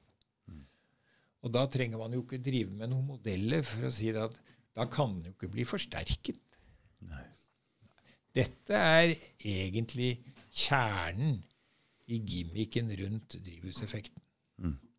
Vanndampforsterkningen er ikke der på den måten de snakker om. Og så burde de ha funnet ut det. Ja, i 1985, nei, i 95, under den andre, rapport, andre hovedrapporten, så snakket jo fagfolkene om at de så ikke denne hotspoten, altså en, varm, en oppvarming av øvre atmosfære rundt 10 km. Med satellitt, eller? Ja, den, skulle, den tar de også med værballonger, den. Så, Mm. Nei, den ble ikke observert. Så selve beviset, da, i den grad man kan snakke om bevis i naturvitenskapen, det er jo bare foreløpig foreløpig dokumentasjon. Mm, mm. Den så de ikke. Og det har jo vært masse styr med den for å prøve å finne den. Og til slutt så er det vel noen som har påstått at den ikke skulle være der, men da er jo også noe gærent med modellene, da. Hvis den ikke skal være der. Ja. Så det, men det, hvor skulle denne effekten være størst? Jo, den skulle være selvfølgelig størst i Stillehavet, ekvatorial sone. Så der hadde de to svære prosjekter som skulle måle dette. Det var fly som målte, og det var litt av hvert. Men de fant altså ingen eh, substansiell forklaring. Så nå er det bare en påstand i modellene. Mm. Og de beregningene som jeg viste tidligere, viser jo at det er ikke noen sånn stor effekt fra vanndamp. Nei. Det er, er borte. Si borte, den er, den er den som er, og den er rimelig uavhengig av CO2. Ja. Ja, jeg vet ikke når du har fått dosen, men eh, jeg har jo du har jo flere plansjer Du har jo flere ja, ja. grafer. Du har flere grafer. Jeg har Arktis. Ja, Arktis. Ja, og det er, eh, det er eh, poenget. Fordi at Arktis varmes opp mye mer enn i dag. Ja, altså nå så jeg jo en plansje til, da, men det var et bilde fra John von Neumann. Det er jo den store mannen Ta den på fram. Nei, ja, han har, Han, han, har- han, har Han har ikke. Nei, nei, nei. Han ble sagt Jeg leste en sånn eh, litt eh, omtale av han sa at når han hadde analysert et problem, Mhm. Så var det bare å gjøre jobben. okay. Det var ikke så mye å føye til. Mm. I 1955 så Han hadde jo styrt med datamaskiner og det hele, og da var det hvordan man skulle anvende dette. Og meteorologi og klima var jo viktige ting. da. Mm. Så da arrangerte man ved Princeton, Advanced Center, hvor han var, og andre, og Einstein og flere. Og to av våre helter på skeptikersiden Mm, Ja. og har jo vært stjerneprofessorer der. Mm. og produsert eh, delvis kommentarer og delvis, eh, delvis klimastoff. Men eh, John von Neumann han var president for en klimakonferanse. Mm.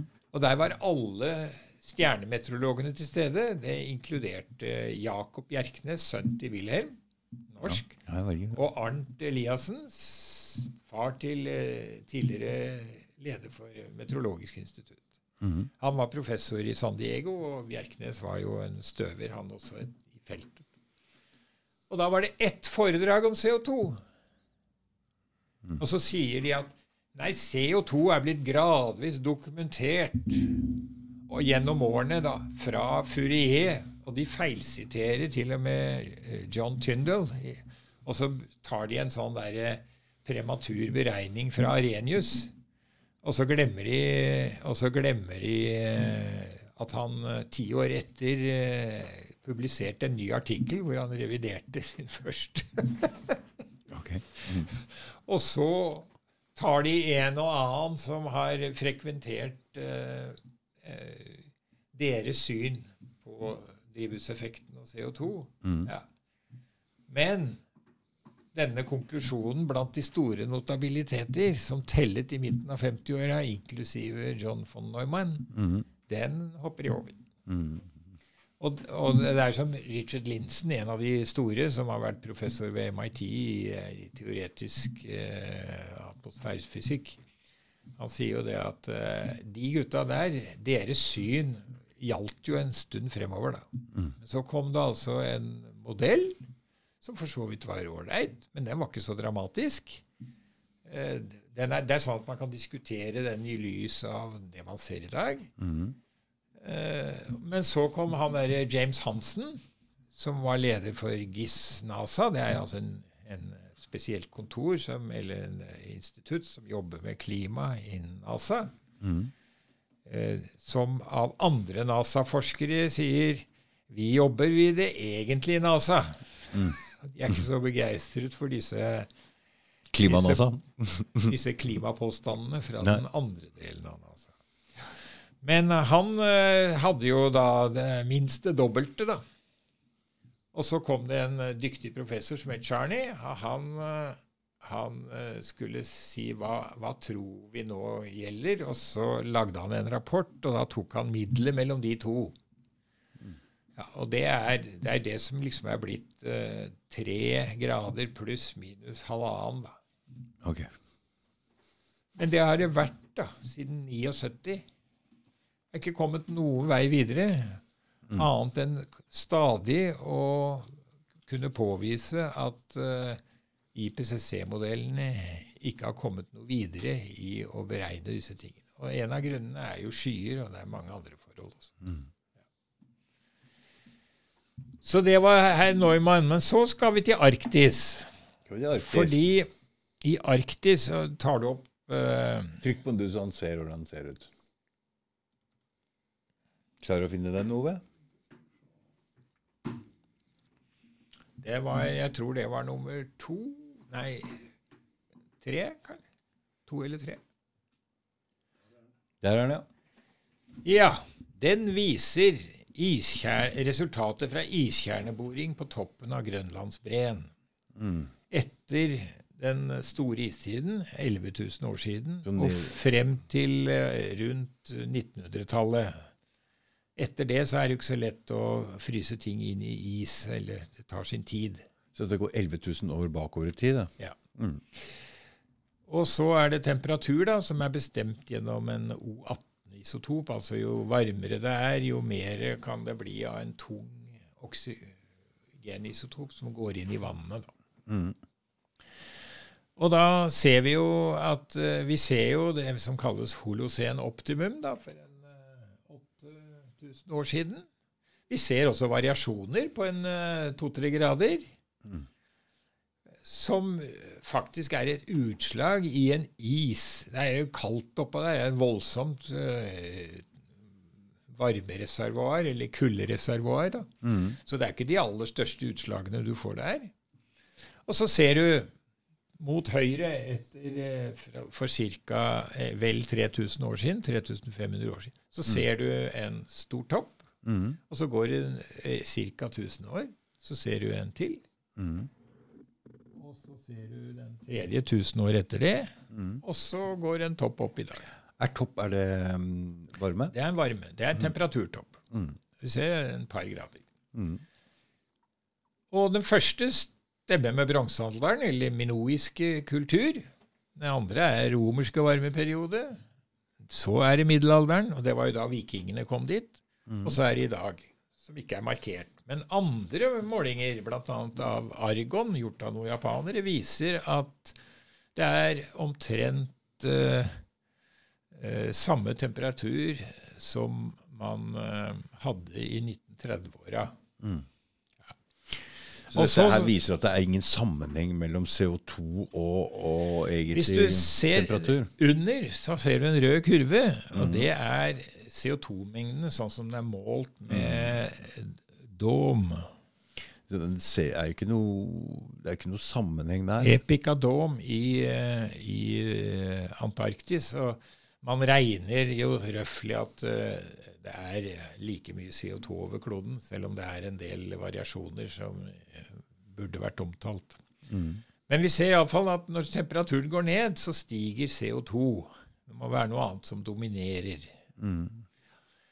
Og så er jo spørsmålet, da Disse, disse temperaturene, det, det, finner man jo igjen. Altså disse, disse periodene er jo kjent som produktive, gode perioder Mm. i, i europeisk og nærasiatisk kultur. Mm. Så dette stemmer jo bra. Og i Europa, vikingtiden var jo eh, veldig godt dokumentert på Grønland. For det må jo, må jo være en grunn til at det het Grønland, eller? Burde vært grønt og fint der, kanskje? eller? Ja, det var, jo, det var jo et poeng, da. Men det var jo kanskje for å friste folk dit òg. Ja, jeg tenker på det. Du lurer folk bort fra Island. Det er ikke- Dra til det- Grønland isteden. Dette med å bløffe lekfolk er ikke noe nytt. vet du. Nei, nei, nei. Men uh, dette svarer jo til uh, maksima Altså høy solaktivitet. Mm. Og i dag så ser man jo dette Solar Grand maksimum. Det har jo gitt økte temperaturer på de fleste planeter og måner i vårt solsystem. Mm. Så hvorfor skulle det ikke påvirke jorden? Og det er for atmosfærer som er vesensforskjellige. Så det har jo ikke noen Det eneste fellesfaktoren er sola. Mm. Men du, den der røde striplede linje helt på Er det Ja, Det er bare for å markere at, uh, at uh, Det er forventa Det er forventet at det går oppover, så det er ikke noen målt verdi i det når Nei, man tar nei. fra annen. Mm. Så hadde vi jo det, da. At uh, da dette ble publisert, så gjorde man en beregning. Man kan gjøre, bruke sånn verktøy som, som sorterer ut på frekvenser, da, og så ser hvordan dette skal komme nå. Mm. Og hvis man bruker et sånt eh, kommersielt eh, verktøy eh, for frekvensanalyse, så Jeg tror det var Wavelet de brukte. Mm. Så får man, eh, så får man eh, i dag en kurv, en topp sånn eh, rundt Rundt på vår tid, da. Mm. Men Og da ble det påstått fra en jo, som skrev internasjonalt, at her hadde folk juksa. juksa da. Han ville ha programmet. Men poenget er at det, har jo ikke et, et program som er kommersielt. Da. Det er jo bare å henvise til det, og det var dokumentert i publikasjonen. Og så sa vedkommende at eh, det er jo ikke noe skikkelig modellere. Han skulle jo modellere hele. Det å modellere hele solsystemet, da, det er jo litt eh, heavy. Mm. Og det man bruker her, er jo en helt vanlig vitenskapelig teknikk, nemlig mønstergjenkjenning. Mm. Og du trenger jo ikke modellere. Det er bare å ta en linjal og måle. Hva er avstanden mellom disse? Mm. Og hvordan kommer det ut her? Det viser seg at dette er jo et mønster. Så kan man si at eh, man med fordel kunne hatt uh, lenger enn 4000 år. Ja, det er nå så, men her er det nå tre på rad. Kommer den fjerde? Og det er jo ikke noen tvil om at den kommer. For det er jo det som er hele poenget. Mm. Men da har den en annen årsak enn CO2. Mm. Og det viser Grønland. Derfor er dette en, eh, en nøkkelfigur. Disse dataene er ikke noe å diskutere så veldig mye, for det er masse målinger, men de viser stort sett det samme, og det er relativt enighet om dette hvis man vil holde seg til en eh, seriøs tolkning av resultatene. Så er det neste, skjønner du, som viser temperaturen i dag og i 30-åra. På Grønland, det òg? Ja, dette er Nuuk. Har du?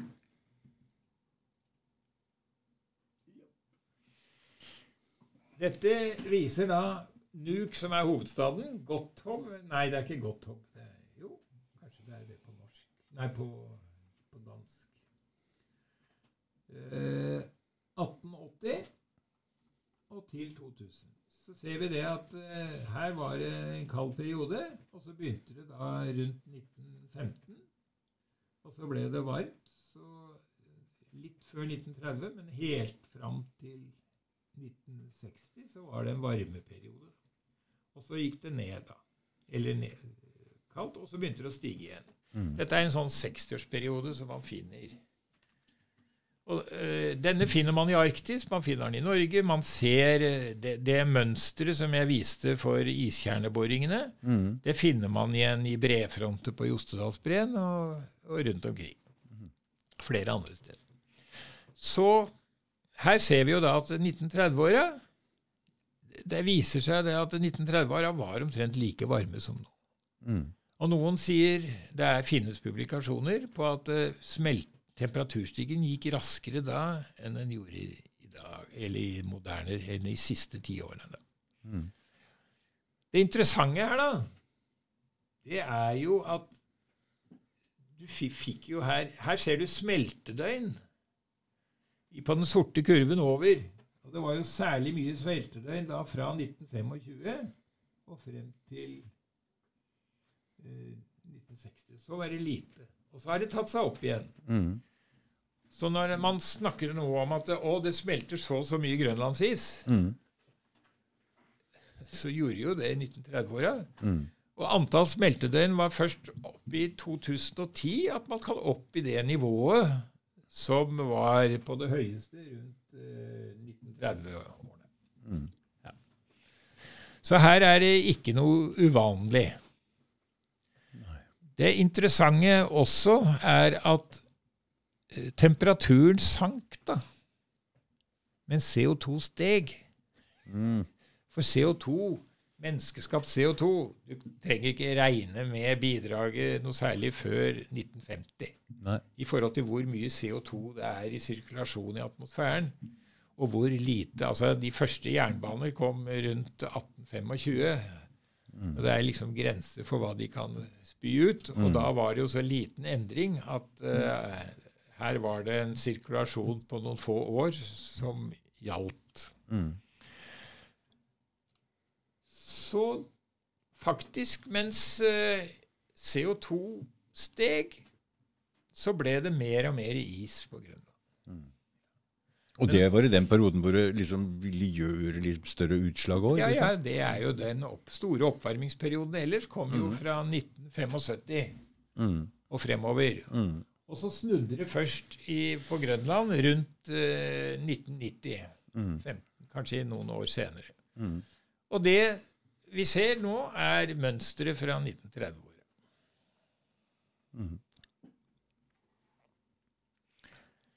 Og det st eh, står jo ellers i litteraturen at uh, mønsteret på Grønland det, mm, det er litt faseforskjøvet i forhold til kloden ellers.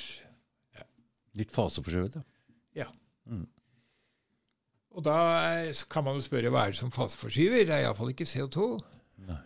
Men det henger jo sammen med eh, strømninger. Nå bytta han igjen noe, nå? Men nå bytta jeg. For nå kan vi spørre hvordan, hvordan eh, beregnes dette med modellene? For det er noe som heter hinnkast. Det vil si at de store gutta som behersker modellene, de regner på en spesiell situasjon for å se modell, hva modellene kan yte. Har du? Og her er det til venstre så er det observasjoner mellom 1954 og 2003. Blått er kaldt, så er det gradvis over i gult og opp mot eh, brunt, som er varmere. Til høyre var det modellene kunne yte i 2004. Mm. Men da var det også sånn at uh, alle var enige om at modellene var det eneste saliggjørende. Så det blå er um, Det er kaldt. Det blå er uh, ordentlig Hvem er teste, teste, testen? Er den på venstre? Ja, dette er jo bare å ta temperaturserien sånn som den foreligger. Mm. Den, det, er, eh, det er eh, observerte temperaturer, og så Mhm. skal modellene beregne. Mm. Og så bruker man samme fargeskala på hva de beregner. Du ser jo Mhm. det at det er jo ikke så voldsomt mye likhet. Nei. Så det er IPC, IPCC-modellen? Den er til Det høyre? er disse modellene De lager jo ikke sine de plukker modeller. men dette var best practice gjennom denne såkalte hinkasten. Det er derfor jeg velger den. Mm. Så har jo skjedd en viss utvikling i modellene, Mm. men eh, ikke så veldig mye. men det viktigste var jo at på den tiden så var jo alle idioter som ikke mente at modellene var riktige. Mm. Og her ser vi jo hvor dårlige modellene er i forhold til det, observasjoner. Mm. Så det er en, eh, Og dette er jo helt essensielt fordi det henger sammen med Arktis, som skulle ha de største variasjonene. Ja. Ja. Det er ikke noe rart man blir skeptiker.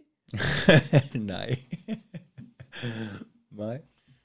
Da har vi ikke Men så kan vi jo da snakke om Hva er det som skjer i Arktis? Fordi at Tar du bort den modellen igjen, da? Jeg er med. Ja, du er med, Ove. Ja. Mm, mm. det er jo velkjent at is For alle som drikker pjolter, at eh, is Ja, den der, ja. smelter i vann. Men det hever ikke vann. Det hever ikke vann. Nei, det gjør det jo ikke. Det er, men, eh, men det viktigste her i, i min sammenheng her er eh, at det ikke at eh, det er ikke lufta som smelter iset så fort som vann. Så når isen smelter i Arktis, så er det primært vann. Vanntemperaturen. Det er målt. Nansen var det vel som fikk satt i gang målinger utenfor Skottland fra 1900, og de ble målt også ved Cola. Det er interessant at Goldstøm bruker to-tre år på den strekket. Mm. Og så går de jo inn i Nordishavet. Gjennom flere passasjer, bl.a. Framstredet mellom Grønland og Svalbard, men også oppe ved St. Annas Thru i Novaya Semlja. Og da er det naturlig Hvis du ser på hvor, hvordan isen varierer i disse forskjellige havområdene, så er det Barentshavet som er maksimalt. Ok. Det er der Golfstrømmen møter det arktiske. Ja. Mm. CO2 er det like mye av overalt. Mhm. Også det eneste stedet hvor det er eh, vekst i is i denne første perioden, det er jo da på Øst-Grønland, som jeg nettopp har fortalt. Der var jo lavere temperatur. Og det er like mye CO2 der. Mm. Dette skal det ikke så mye til for å få folk til å forstå, selv om det ikke alltid sies eh, særlig tydelig. Nå har vi en eh, nå har vi jo forskere som har adgang til de dataene jeg nevnte, og de har jo funnet at, eh, at eh, fra 1915 til 1944 så steg temperaturen i Golfstrømmen med 2,2 grader. Mm. Hvis du leser data eller avisartikler fra Svalbard og, altså eller i Norge om Svalbard og Arktis fra 20-30-åra og inn i 40-åra, så står det jo om at eh, ja, i 36 Vi nærmer oss nå tilstanden under bronsealderen. Mm. Eh, vintertemperaturen på Svalbard er syv grader varmere enn det var. Man eksporterer kull i åtte måneder istedenfor i tre. Mm. Havtemperatur nord for Svalbard, det ble skrevet allerede, om, eller målt i to, 1922, den var 10-15 grader over det den pleide å være. Mm. Fisken var borte. Isbreene var gått flere kilometer tilbake. Mm. Eh, vegetasjonen var jo deretter, og likeledes fauna. Mm. Ja. Dette er den samme elendigheten som man skriver nå, da. Bortsett fra da kalte man det klimaforbedringer. Klimaforbedringer, ja. Hvis du ser på eh, Altså I 45 så siterte Dagbladet gjennom en sånn liten kolonne, én kolonne, Mm. 'Snart isfritt i Nordpolen'. Mm. Det var sitert etter Pravda, som da igjen hadde behandlet en, eh, en rapport fra russiske forskere. Mm. Det er samme som skrives da som nå. Mhm. Men det, det formidles jo ikke. Nei. Altså Hvis du skriver dette til Aftenposten mm. om dette, og samtidig underbygger eh, vårt klimasyn så får jo er garantert refusjon, selv om du henviser til deres egne artikler. Du, Ole Henrik, perioden. er du konspirasjonsteoretiker på en måte, da? Nei, nei, nei. Jeg bare sier at sånn er det. Mhm. Eh, Jeg er blitt beskyldt av Pål Presterud. Han skulle hele tiden meg, si at jeg hadde snakket om konspirasjon. Jeg Ja, har ja. aldri brukt det ordet. Nei. Etter det så fant jeg ut at det var heller ingen grunn til å bruke det. Men jeg, jeg, det, konspirasjon, det er jo bare å prøve å I dag så er jo uttrykket bare å prøve å sette folk i Ja, bås ja, ja, på en negativ ja, måte. jeg vet. enten det er den ene eller den andre. Mm. Så jeg tror faktisk at noen eh, i sin tid mente at eh, at det var fare på ferde. Mm. Ja etter disse eksperimentene med vannavforsterking og Mm. manglende hotspots, så er det klart at da skulle man ha kansellert Mm. Så nå er det bare folk. Nå er det bare folk som ikke har peiling, som blir lurt av dette. Nå er det så mye triksing. Propaganda. Ja. Ja, du har hockeystikken, det var jo et fors og du har den siste hockeystikken. Det er jo like mye triksing av data. Og du har denne Markot-serien i Holocen. Mm. De må jo fjerne alle de andre øredøvende observasjoner. Og de må finne en forklaring på De sier f.eks.: Ja, men Grønland Grønland er jo ikke hele verden. Nei, men hva i all verden er det som gir denne tusenårige forskjellen på Grønland, da? Vi har jo ikke noen forklaring på det. Sola er en særdeles Mm. God forklaring. Ja, fordi når man ser på hvordan solen blir påvirket av planetbaner, altså sitt eget eh, solsystem, så, så passer det bra. Så man Eh, kan egentlig beregne solstyrken ut ifra plane andre planeters bane Nei, litt, det, eller? jeg tror det er, det, er, det er to forskjellige ting. vet du. Å se på styrke kontra periodisitet. Mhm. Og det å beregne periodisitet ut ifra planetbaner, det går, Det går an.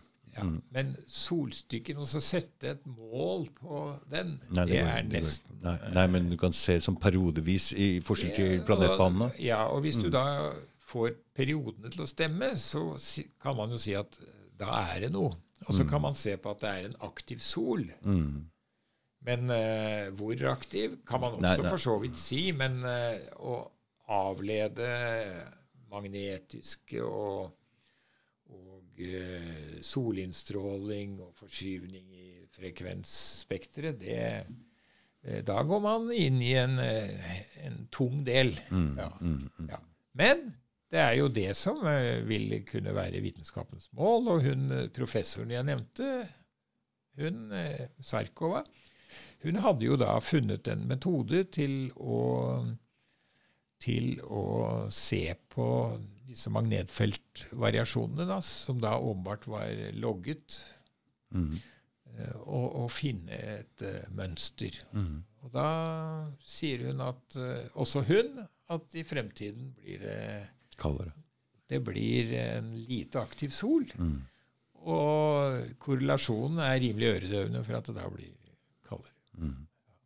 Det er derfor det haster.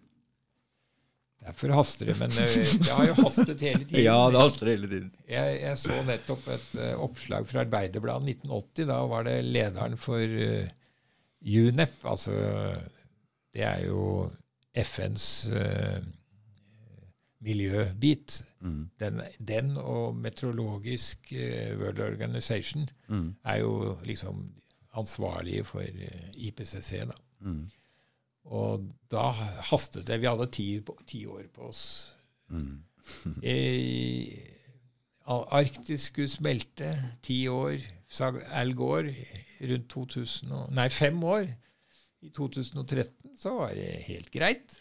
Ja, Fremdeles ikke smeltet. I 2018 eller 2019 så prøvde jo det svenske isbryteren Odion å å eh, komme seg til Polen. Det greide den jo også med en ekspedisjon, men det var tungt. Mm. Det var mer is, massiv is, da, i det sentrale ishavet enn det hadde vært på mange år. Mm.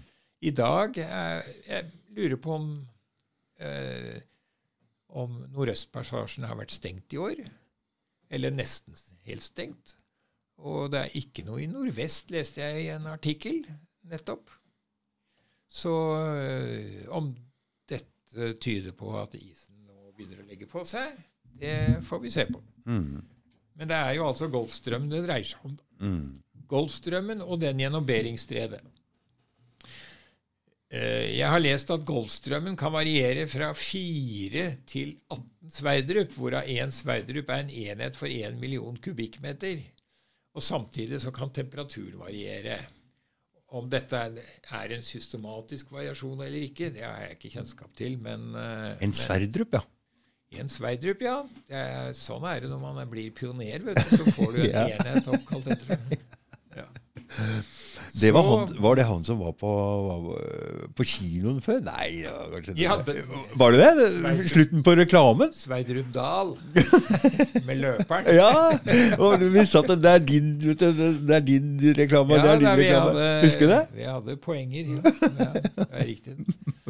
Nei, men han var jo Det var vel han som døpte en del øyer eh, vest for Grønland, altså i nord- Mm. nordre del av Og det å få fjelltopper og sånn eh, oppkalt etter seg, var visst eh, Det var om å gjøre.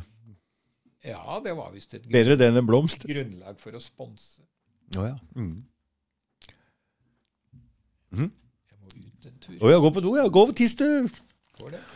Bare gå og tiss. Så har vi drukket kaffe og drukket vann her til den store gullmedaljen, så det er ikke rart at du trenger tissepause, Ole Henrik. Ja, ja, ja, men Ja. Så da tar vi bare en liten, liten pause, da. Men ikke trykk på noe pause. Så Ser du sliten ut? Ser sliten ut. Nei da. Det gikk bra med det der å bytte bilder og fikk det til. Det er bra. Prøve på noe nytt, så. Ah, ja. Skal vi snart drikke opp all kaffen her. Han har uh, en igjen det. En uh, illustrasjon igjen, ja. Ja, Det spørs om han vil gå på den eller ikke. Jeg vet ikke. Ja. Mer kaffe? Det er for sent. Gå på do? Å, ja, ja, ja, ja. Jeg klarer ikke å underholde publikum noe særlig jeg, med dette temaet her. Her er jeg målløs. Nei, men du, eh, Ja. bare for å fort, eh, runde av Arktis, så Det er en 60-årssyklus, sånn ca. 60-årssyklus, eh, i Golfstrømmen. Og den er funnet i sedimenter og sånn av noen danske forskere fra Århus universitet. Mønsteret er funnet 8000 år tilbake inn i Arktis. Og det finnes andre målinger som viser et par hundre år. Er den avhengig av noen planet, eller hva er den avhengig av? Ja, det, det Ingen som veit ordentlig? Nei, vi kan kanskje ta det til slutt. Yeah. Du minner meg på det. ja, ja. Denne forklarer jo da varmeperioden rundt 1880. Mm. Og så kommer det da rundt eh, 30-åra, altså opp mot 40. Mm. Og så kommer den igjen nå. Mm. Mellomliggende kalde perioder. Mm. Ja. Og så er det jo bare spørsmål Er det dette som er forklaringen på Arktis, Smeltinga? smeltingen, og de høye temperaturer? Ja, det er den mest sannsynlige forklaringen, fordi CO2 endret seg lite. Mm. Og effekten fra menneskeskapte utslipp av CO2, det er jo øh, ikke særlig markant før etter 1950. Nei. Og da var det jo begynt å bli kaldere. Og her har vi en sånn liten moderne eh, sak igjen. For det, mens, mens CO2 da begynte å stige markant, så ble det stadig kaldere. Ja. Og eh, i midten av 60-åra så mente meteorologisk World Meteorological Organization at man kunne nærme seg en ny istid, for det hadde jo vært klimaforbedringer. Og, og dette hadde jo hjulpet landbruk og alt. Avlingene var blitt mye bedre. Så det het klimaforbedringer når det ble varmere før? Ja? Og så lurte man om det kom en eh, ny istid. Dette var et seriøst spørsmål. Jeg har lest en rapport fra CIA som faktisk eh, påpekte disse forbedrede klimatiske forholdene, og at det ville være krise hvis dårligere klima ville spre seg på kloden. Det var tross alt blitt en del flere mennesker. Men CIA hadde jo også et uh, lite et lite ess i ermet hvis dette skulle ramme sånn Sovjetunionen. Du vet, uh, Ja, ja, begynnelsen av 60-åra. Mm, mm. Det var vel en av grunnene til at Khrusjtsjov gikk av. at det- Dårlige avlinger. Og, oh, ja. mm. og noe man eh, likte veldig godt fra satellitter, var jo data om eh, Mm. avlinger osv. fra registrert rundt omkring. Mm. Så eh, Time Magazine og Newsweek i USA hadde jo på forsida liksom ny istid. Carter-administrasjonen tok uh, dette alvorlig. Kanskje Nixon også, for den saks skyld, og Ford. Men uh, men så plutselig, da, i midten av eh, Eller 76 omtrent, så snudde det. Og så plutselig så skulle det bli valgt. Noen av de sentrale, eller en av de sentrale IPCC-forskerne da, som i det systemet, som ble valgt til å, til å skrive rapporter osv., han publiserte en artikkel om at uh, mer CO2 ga kaldere. Men så plutselig så ble CO2 varmere. Så det skjedde brått. Og da, var det, da gikk det rimelig raskt, altså. Ja. Og så eh, ble det jo utover 80-åra, og ut til, til slutten av 90-åra. Kunne bare kjøre på mer og mer. Ble CO2. det, en, eh, ble det en oppvarming. Og så ble disse IPCC-rapportene skrudd til mer og mer rundt disse modellene. Mm. Det var modellene som skulle gjelde. Altså, Richard Lancy, som var en meget uh, ung og lovende og prisbelønnet uh, orkanforsker mm. ved Orkansenteret, han, han eh, ble jo rimelig frustrert, fordi da kom det tre orkaner eh, rundt 2005. Og da innkalte en kapittel eh, hovedforfatter til en konferanse på Harvard. Han hadde aldri publisert noe om orkaner. Og så var det en lege, og så var det en dame, biolog, tror jeg. Mhm. Så snakket de om at uh, dette skyldtes uh, CO2. Menneskelig oppvarming. Og han ble frustrert fordi han var leder for orkangruppen, da, eller de, den delen av rapporten. Mm. Og han skulle jo selvfølgelig vært uh, trukket inn i dette. Og miljøet der mente jo at dette var tilfeldigheter og hadde ikke noe med CO2 å gjøre.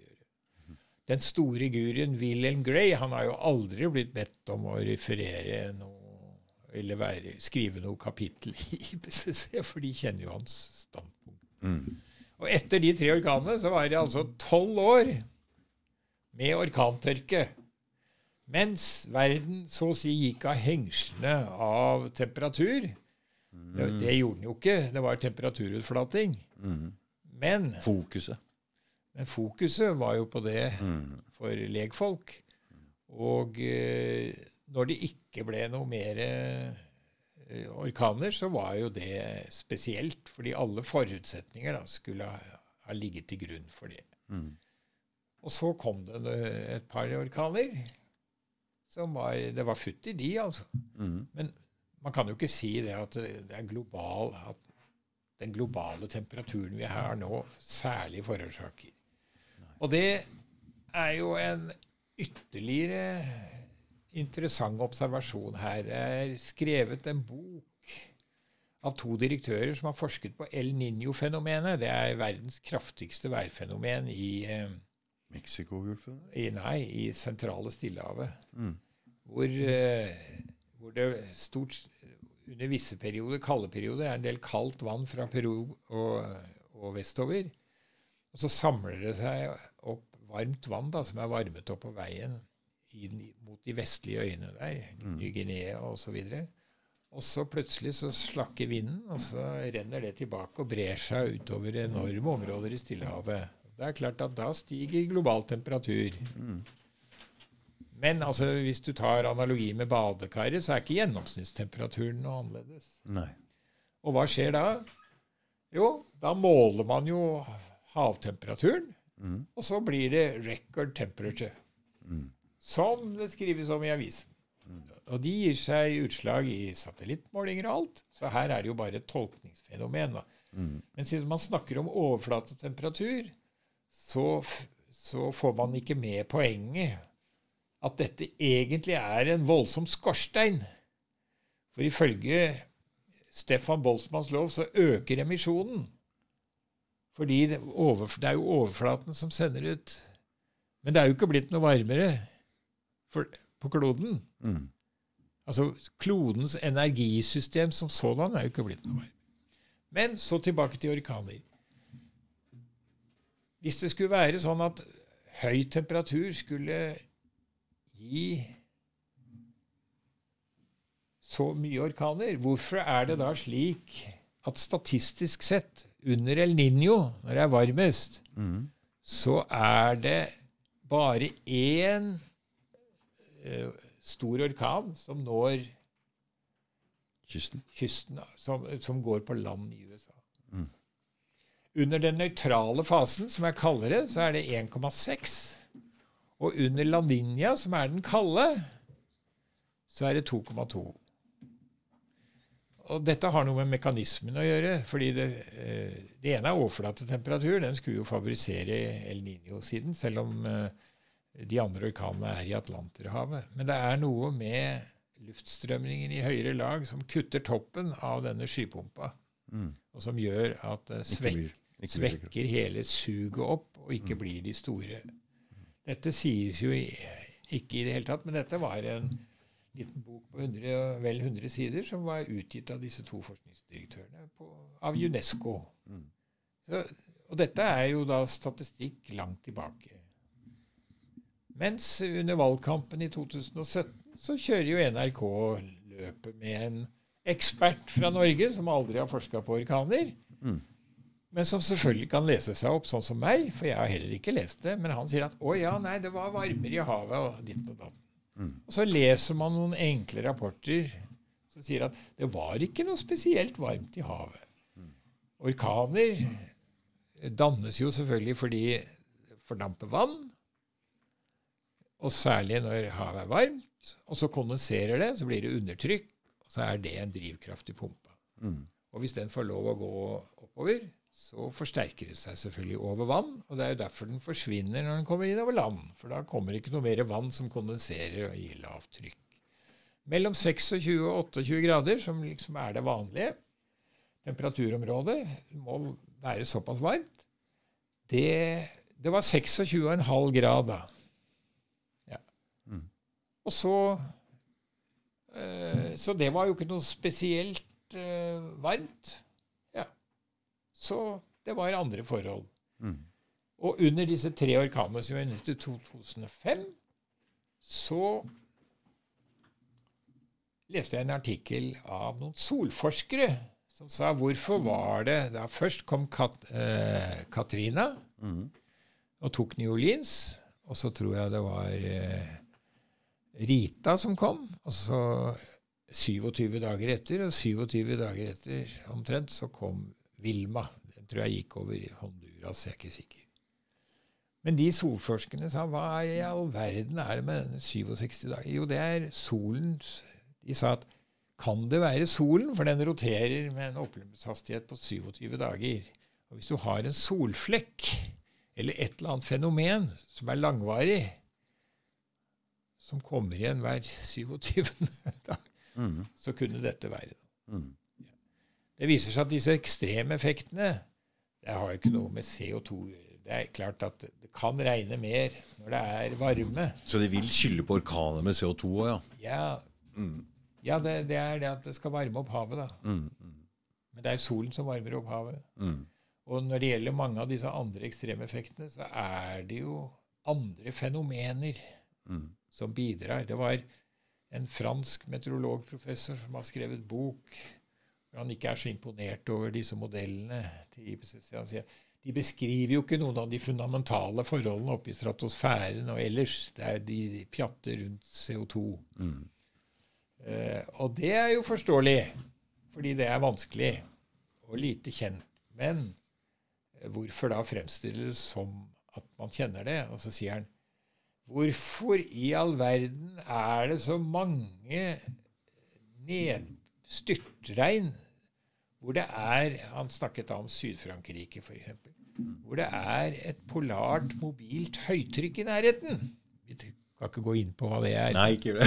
Men vi vet jo at lavtrykkene vandrer, og da Mm. kan et polart høytrykk komme fra nord, og så kan det gå langt ned mot 35 grader. Mm. Og så sier han da altså Er det en sammenheng mellom at det kommer inn i et område med noen spesielle forutsetninger, og at det dukker opp et eh, ekstremvær i nærheten? Mm. For meg så er det bare å si det at solen og et polart høytrykk, kosmisk stråling Det er masse sånne forhold Mm. som kan gi ekstremeffekter, Mm. og som kanskje som, som kan være med på åpenbare mekanismer. Mm. Men IPCC-modellene har så langt ikke Tatt i det. tatt tak i det. Hvis du tar, eh, hvis du tar kosmisk stråling, så er det jo sånn at når du har en en, eh, en koronautblåsning fra solen som gir, eh, som gir stort magnetfelt og, og aktivitet, så viser det seg at det er noe som heter Forbush-effekten. da. Og til den er det knyttet at i de etterfølgende dager så øker vanndamp. Man snakker opp innen altså 68 dager og der omkring. Så blir det akkumulert mye mer vanndamp i atmosfæren. Som gir mer nedbør. Og det kan jo Naturlig forklaring er at eh, da er det mindre kosmisk stråling som kommer utenfra. Mm. Og dermed så blir det ikke så mye skydannelse, og det akkumuleres mer vanndamp. Og når så det magnetfeltet blir borte, hva da? Da har man plutselig fått en boost av vanndamp rundt omkring. Mm. Er det med på å stimulere noe ekstrem nedbør et eller annet sted? Klart det. Ja, altså jeg eh, Det er greit at du sier det, men jeg sier at eh, bør man ikke sjekke det? Mm. Og er man 97% sikker på at det ikke er det? Ja. Så det er, ja. Har du vært gjennom alle, Ole Henrik? Kommer aldri. Det ligger 300 lenger ned der. Men vi, har, vi har vært gjennom Men vi kan ta et bilde til. Det syns jeg er interessant. Siden vi er inne på Arktis. Du Mhm. tok, eh, Det har jeg ikke her, men det er det du viste meg. Du har det oppe.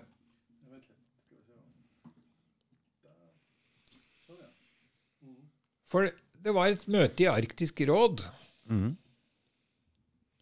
Er det for noe? Arktisk råd? Ja, det er ikke noe småtteri, da. Det er med John Kerry og oh, ja, full pakke, det. Ja, ja, ja. Jeg tror jeg lurer på om Putin var der òg, jeg. Oi. Jeg, ikke jeg tror ikke Biden var der. Men uansett så lages det jo en rapport, da. Mm. Og da lages det en rapport om uh, at Arktis da er varmet opp. Meteorologisk institutt står bak dette. Eller er med, og, med datagrunnlag og det hele. Og så sier man nei, nå har man fått en voldsom oppvarming. Og så viser man en kurve. Det er den du har. Og den kurven, den begynner vel eh, rundt 1960, eller det er fra slutten av 60-årene, og viser stigning. Mm. Men det den kurven som er vist på skjermen, det er det at da begynner man i 19, slutten av 1960-årene, for da er det stigning. Mm. Men før det så har man hatt oppvarming i 1930-åra, og så går man ned i 60-åra, og så går man opp igjen. Mm. Og det er et helt annet bilde for folk, for da kommer det frem at det er en syklus. Mm.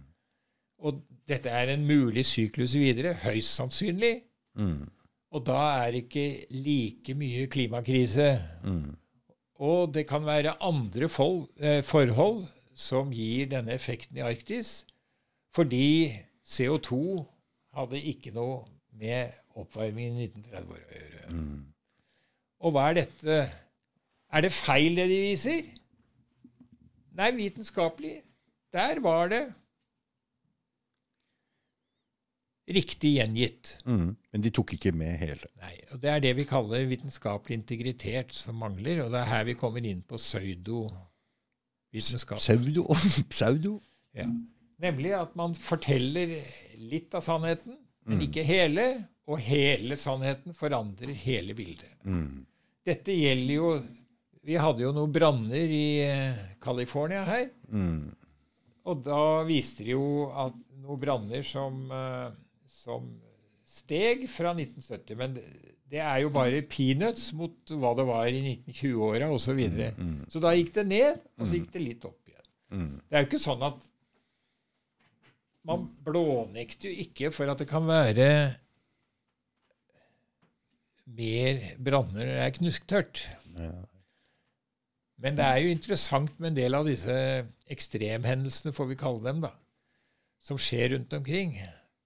At eh, Ja, for det første, altså i Australia så er jo sånn 50% av brannene er jo Påsatt. Og dette er jo tragisk. Det er jo syke mennesker. Mm. Det er 13% som er påvist naturlig, og så er det et overlapp mellom ulykker, eller altså uheldige tilfeller, og ytterligere økning av, av antente branner. Men eh, den forrige i California har jo vært en disputt mellom miljøorganisasjoner og andre om hvordan man skal drive med stell av skogen var, for å verne. Rydde skogbunn, ikke sant? Rydde skogbunn og rydde gater, sånn at det ikke sprer seg osv. Og, så og her er jo menneskeliv på, eh, på eh, samvittigheten til de som har promotert andre ting. Mm. For, altså Skogbranner i uh, Australia det har jo vært i uminnelige tider. Lenge før manns minne. Ja. Og sånn har det jo vært. Samme debatten har vært i Australia. I California, mener du?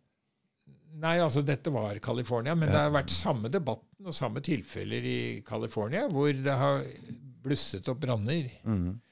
Og de brannene kom jo ikke av CO2. Den siste eh, i Australia for et par år siden, det var jo en annen variasjon i eh, nedbørmønsteret knyttet til Indian Ocean Dipole. Altså det er eh, monsunbevegelsene. Mm. Og når den er i visse moduser, så gir det notorisk tørke i I Australia. har ikke noe med, Det har ikke noe med den form for global oppvarming. Det er egentlig et uh, koblet værfenomen med andre store områder i, Mm. i den delen. I Devon var det vel kanskje for ti år siden en voldsom oversvømmelse. Min svoger fikk ødelagt England, Uh, Ja. Mm. Eiendom sør, sør, eh, sørvest-England. Mm. Og det var jo et eh, våtmarksområde som da noen mente skulle i størst mulig grad rehabiliteres for fugler. Det er pent tenkt. Men poenget er at det var jo drenert for å nettopp hindre denne type ting. Mm. Og så uh, kommer jo da nedbøren, og så er det ikke dreneringsopplegg godt nok. Mm. Og så bygger det seg opp, og så får man skade lenger ned. Og så står det at liksom, dette er global warming. Mm. De, de, jeg vet de, Du hadde jo dette tragisk i Tyskland nå. Jeg vet ikke hva slags endelikt det for, men det var jo joggere som rapporterte i et av de flomheirede områdene at det var demninger som var vannmagasiner som var praktisk talt helt oppfylt. Mm. Og så kommer det en melding om ekstremvær, eh, eller mye regn, Mm. Og så gjør man ingenting for å tappe ned. Mm. Og disse magasinene er vel bygget av flere grunner, men som våre egne magasiner så skal de jo også være med på å um, redusere flommuligheter Mm. osv. Og så går det altså med masse mennesker og selvfølgelig masse eiendom. Tror du det er gjort med vilje, at de ikke slipper løs? Nei, det er, det er van- Nei, jeg tror mer på sånn våtmarks eh, At en, en viss eh, lojalitet mot fuglereservatet kan ha, ha spilt en rolle. Men det blir jo bare en ren eh, spekulasjon. Men det er jo Men det er klart at det er en Det er agenda fint, her hele veien. det er fint med Det er fint å lage fuglereservat. Jeg har hytte i nærheten. Du, jeg har jo fuglereservat rett utafor vinduet her. Ja, det har du jo. Mm. Kjempebra. Og at man også At man ikke ukritisk skal liksom eh, prioritere alt mulig annet. Men eh, da er det fort gjort å overse noen viktige beskjeder fra naturen. Mm. Det er det. Så de Så- kunne vært forhindra i stor grad, da, de overforsømmelsene Ja, i Tyskland. Ja, den i Tyskland kunne vel eh, Ja, jeg tror det hadde gått med mye eiendom, men jeg tror den kunne ha spart noe liv. mm. Det er jo tross alt prioritert én for meg, altså. Skal jo være det. Skal jo være det, Men når vi ser alle krigere og faenskap som er rundt omkring, så er det ikke Men tilbake til den kurven du har, så viser det er masse sånne kurver. mm. som uh, forteller om uh, at uh, nå er det Nå er det en økning i et eller annet, og så er det en del av en syklus. Det er dessverre et fremtredende fenomen i visse kretser. Mm. Kapper av grafen. Ta bare med det som er gunstig for dem. Ja, han skriver det jo det, Carl Popper. Det gjelder for så vidt oss alle, det. Vi er, man kan lett bli fristet Mm. til å Fremme sitt eget synspunkt på den måten. Ja. Jukse litt? Ja, men jukse litt er ikke lov. Nei, vitenskapen er eh, utrolig pinlig. Mm. Men eh, det er ikke alt som er juks heller. Det er noe som rett og slett er forblindethet. Mm. Og, det, og det, altså Forskjellen på juks og forblindethet Det er lov å gjøre feil i vennskapen, men det er ikke lov å jukse. Nei. Og så har du grader mellom de og manipulasjon. Hockeykurven var jo en sånn variant. Mm. Jeg nevnte denne Marcot-kurven, som hadde endret data på slutten for å få til en slags hockeykurve. Mm. Men Michael Mann, han fikk jo Når han så på treringene sine, så fikk han jo en nedgang i temperaturen fra 1960. Mm. Det gikk jo ikke an. Nei. Og så drev han og skjulte så lagde han et sånt kurvesystem hvor han hide the decline, som han skrev. Uh, og jeg har jo sett på den, og da, hvis du ikke virkelig skjerper deg, så er det fort gjort å glemme det. Mm. Men så eh, tok han jo og spleiset sammen en instrumentmåling og eh, paleodata. Mm. Og da er det jo klart at eh, da får, kan man jo få det han vil. Det viser For instrumentmålingene er jo der og da. Mens paleodata har jo ligget og blitt eh, midlet av, eh, av eh, omgivelsene. Altså ting diffunderer. Ioner diffunderer, Mm. og så videre. Og i sjiktene så kan det dannes forskjellige bevegelser som er med på å lage en mye grovere oppløsning. Mm. Ja. Og da kan man jo, ved å spleise sånne data, hvilket er uvitenskapelig i utgangspunktet, så kan man jo få til mye interessant. Det jeg legger merke til, er at du smiler sånn ironisk hele tiden over, eh, over det du driver med. Og, fordi man må kanskje ha den innstillinga, for det er Ja. nesten man, Egentlig skulle man blitt frustrert og Ja. sint og sånne ting, men etter å ha drevet med en sånn om jobbe mot uvitenskapelige ting hele tida med vitenskap, så blir man kanskje Må man være sånn? Man snakker jo om liksom å le hele veien til banken, det ikke sånn? Når man har gjort noe lurt. Ja. Nei, det er riktig det. Man må, man må jo beskytte seg litt og se ja. Man må se litt sånn det galgenhumoristiske i det. ja. Og jeg kjenner meg godt igjen, for jeg har Men nå smiler jo du òg, da, så Ja, da. kanskje det frister meg litt Ja. ut på arenaen. Ja, men eh, altså Ja.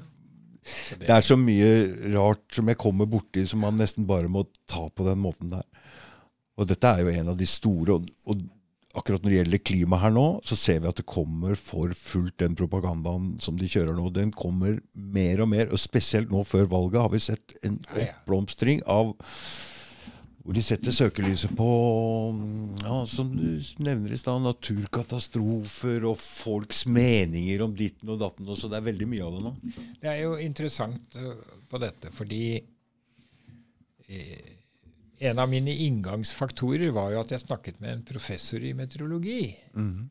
Og da var det kommet en IPCC-rapport. Og jeg ville kanskje trodd at dette var i 1992, men det kan også ha vært 1990. Og så sier jeg til en du, nå må du for forklare meg hvorfor. Hvorfor skal det bli mer stormer når temperaturforskjellene utjevnes? Vanligvis så skapes jo vinder av differanser og gradienter, store gradienter. Så dette skjønner jeg ikke. Nei, det har du helt rett i, sa han. Og eh, For det var snakk om eh, økt stormer i Nord-Atlanteren. Og så sier han følgende. Dette har vi fulgt ganske lenge, for pga. seilskutetida så har vi gode data, gode observasjoner i Norskehavet og, og rundt eh, de britiske øyer, Nordsjøen, eh, langt tilbake. Og da var det sånn at det var heftige vinder rundt fra 80-åra, så gikk de ned. De gikk ned helt til 1960-åra. Og så begynte de å stige igjen. Og så steg de igjen ti års tid, og så har de dippa ned igjen. Kraftige vinder. Ikke? Og det fortalte han meg da rundt 1990. da. Mhm. Men det var jo stadig alarmer, da. Det skulle være stormer og elendighet mm. også her oppe. Og så var det jo noe rart, da. At i 1920-40, altså den oppvarmingsperioden der, som var eh, på mange måter like rask, altså det var ca. 0,15 grader per tiår. Mhm. Samme i 1880 og, og nå på, før årtusenskiftet. Og så plutselig så var det ingen forskjell. Nei. Det var jo helt flatt. Og så hvordan kom den dippen der? Nei, det er, det er jo noe annet som trigger mm. enn akkurat varmen. Mm. Men det interessante var at eh, det dementiet og den kurven som jeg fikk forklart, da, men uten å se den, Den kom som dementi i 2007. Det skal ikke bli noe mer stormer i Norskehavet.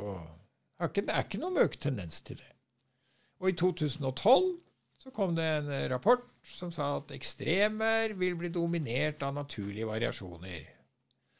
Og hovedrapporten kom i 2013-14.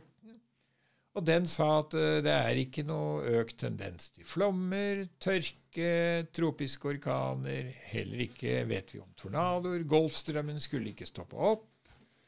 Og det man så som en effekt, var at eh, på le-siden av store byer var det en tendens til litt økt nedbør. Mm. Og sikkert fordi store byer er jo bare Oppdrift. Oppdrift pga. Uh, asfalt og bygninger og det vi kaller Urban Heat Island, Mhm.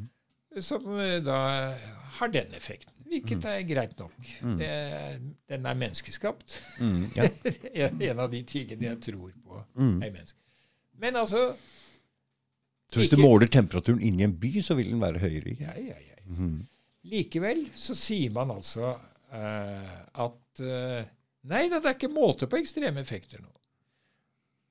Og så er det jo spørsmål om eh, hvordan dette holder seg vitenskapelig.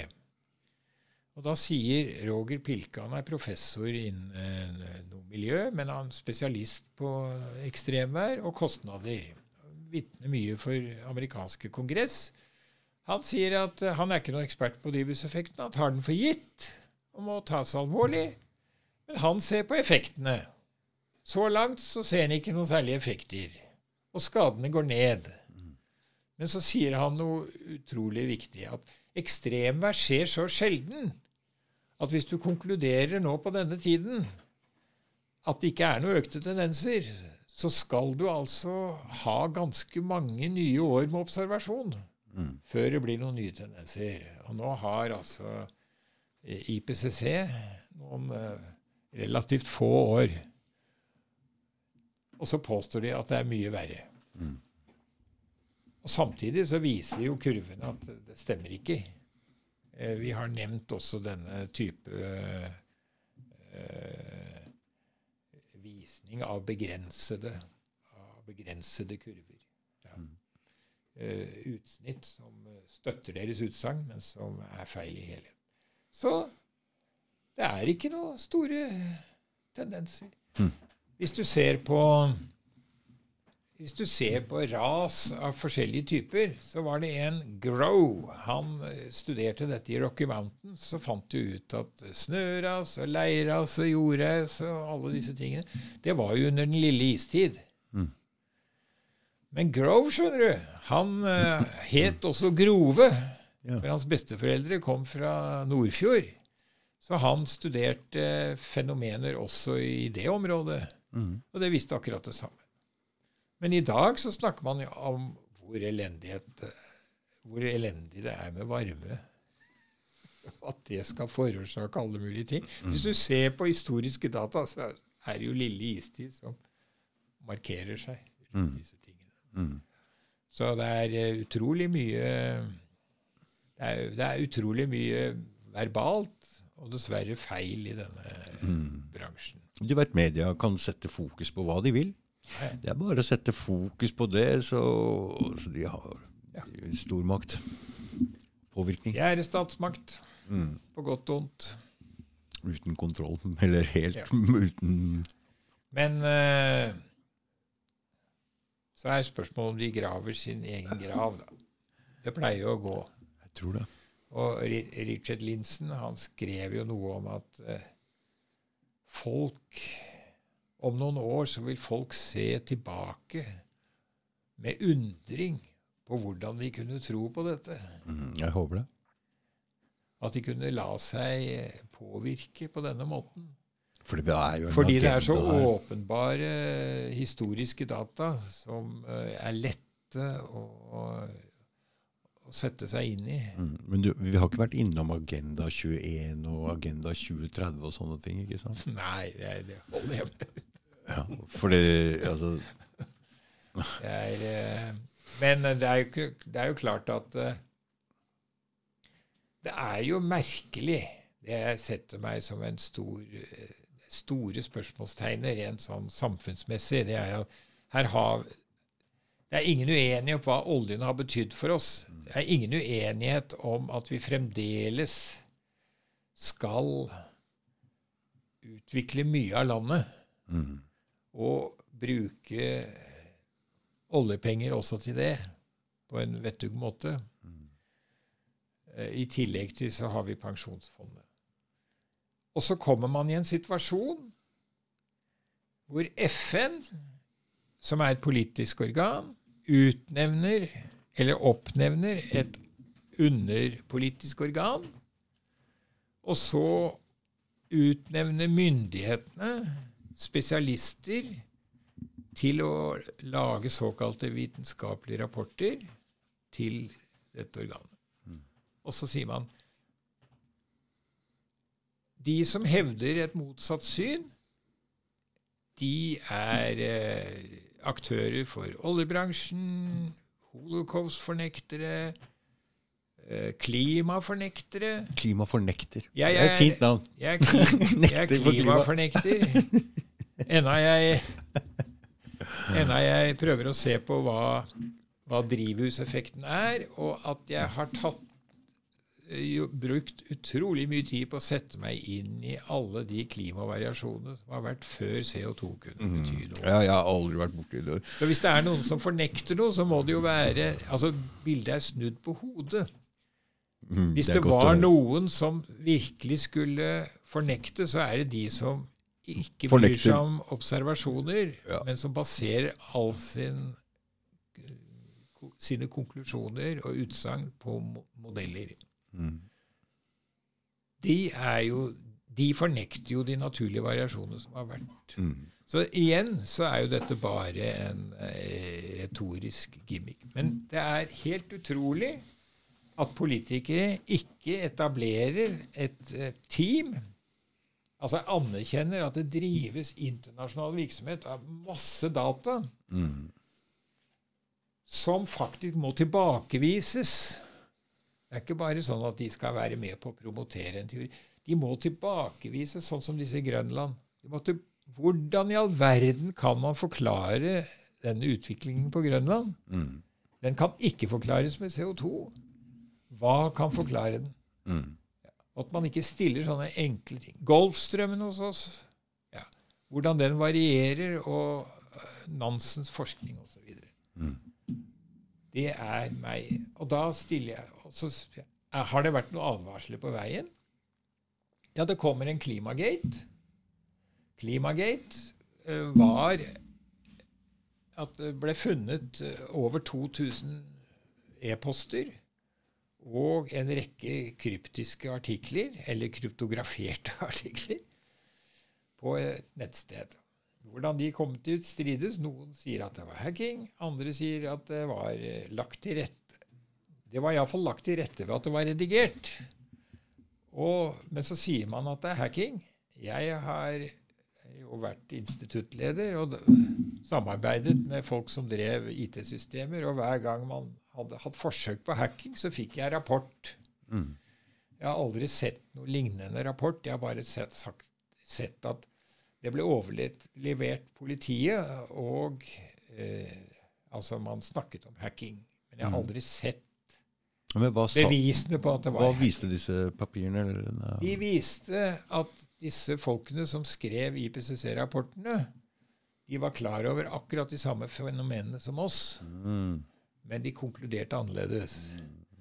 Og en del av den eh, e-postutvekslingen for å konkludere annerledes, den er ikke spesielt eh, glitter, glitrende i vitenskapelig sammenheng. Mm.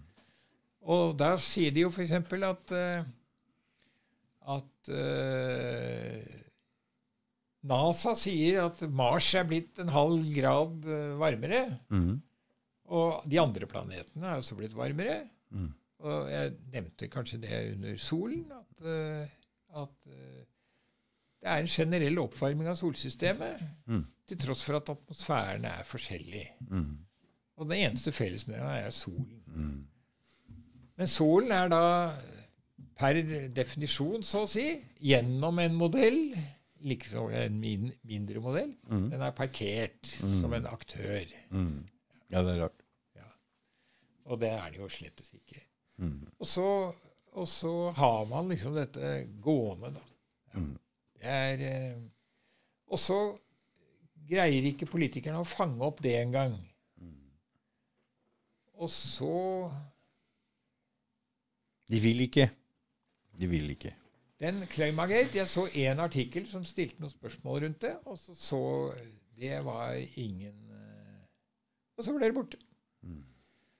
Finn, jeg trodde en politikers oppgave var å ha en nese Mm. for eh, når man eh, Når det skjer ting som ikke burde skje. Det er en det er, Men her så er det nærmest en voldsom backing. Det er ingen Av- som tør å ta i det der, vet du. Ingen tør å ta i det. Det er så upopulært, vet du. Så. Og da stiller jeg meg spørsmål til eh, Er dette, er dette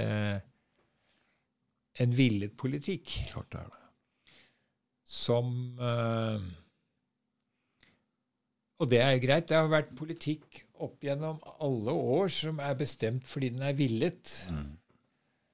Og det er jo en del av politikkens vesen. det.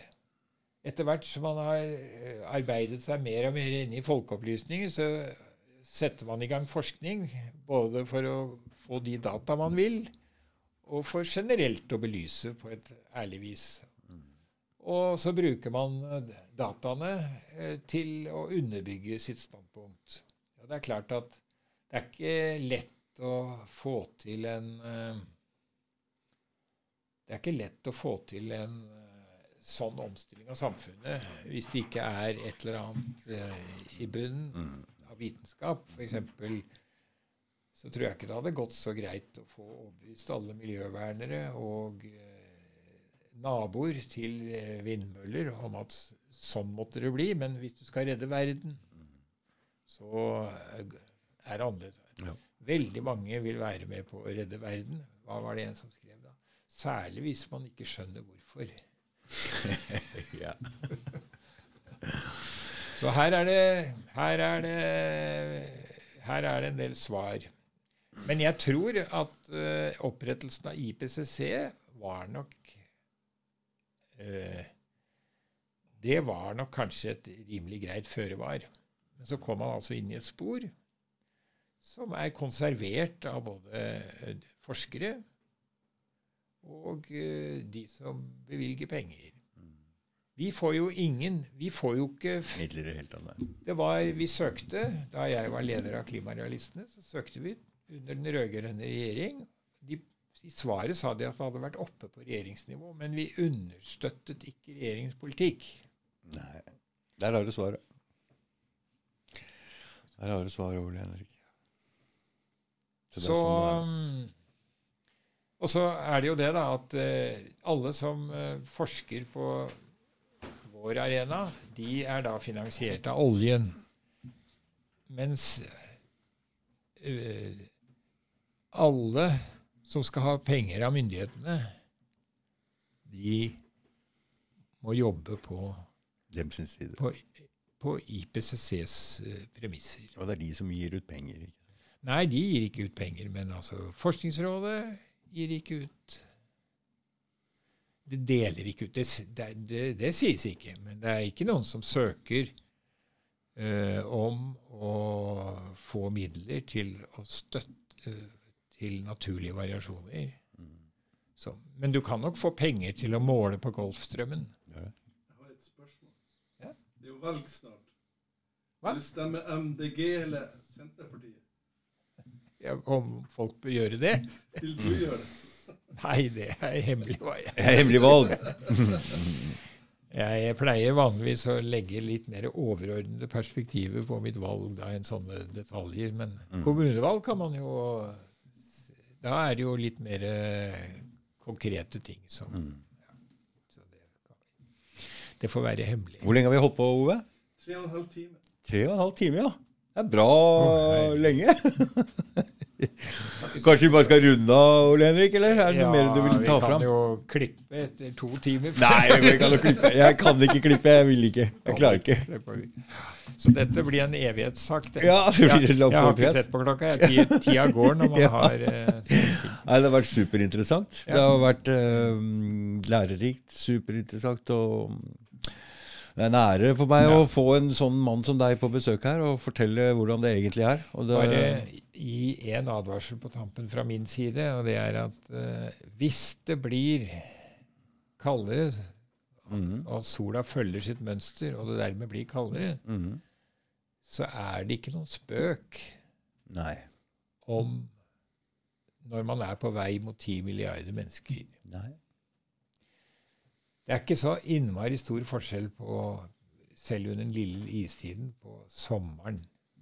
Men våren kommer seinere, og høsten kommer tidligere. Mm. Og ikke bare jevnt og trutt, men begge kan komme med sånne utskudd av litt ekstremvær som er med på å redusere, Avlinger og redusere den gode perioden for avlinger.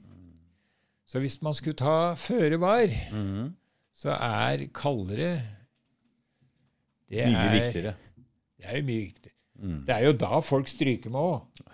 Ove her sier jo at vi går inn i en periode. Han sa 'kjøp inn matvarer og putt i kjellerboden'. Ja, altså. jeg, tror vi har, jeg tror det vil bli ganske muggent før vi, før vi har behov for det. Men eh, det finnes jo andre steder rundt på kloden oh, ja. som kan bli berørt. Mhm. Og dette er jo Og hvis man ser på studier som er gjort i USA, så vil jo én grad eh, temperaturnedgang det vil eh, redusere avlingsområdene mm. fra Canada og inn i, mm. i de prærieområdene. Mhm. Og det er, jo, det er jo det som er det intensive området. Derimot eh, varmere Da har vi enorme landområder som vil egne seg bedre for dyrkning nordover og opp i høyden. Mm. Det får vi ta med oss. Det Er er, det du som trykker sånn? Det er ikke så mye klimakrise. Nei. Det er mest klimahysteri. Ja, Ok.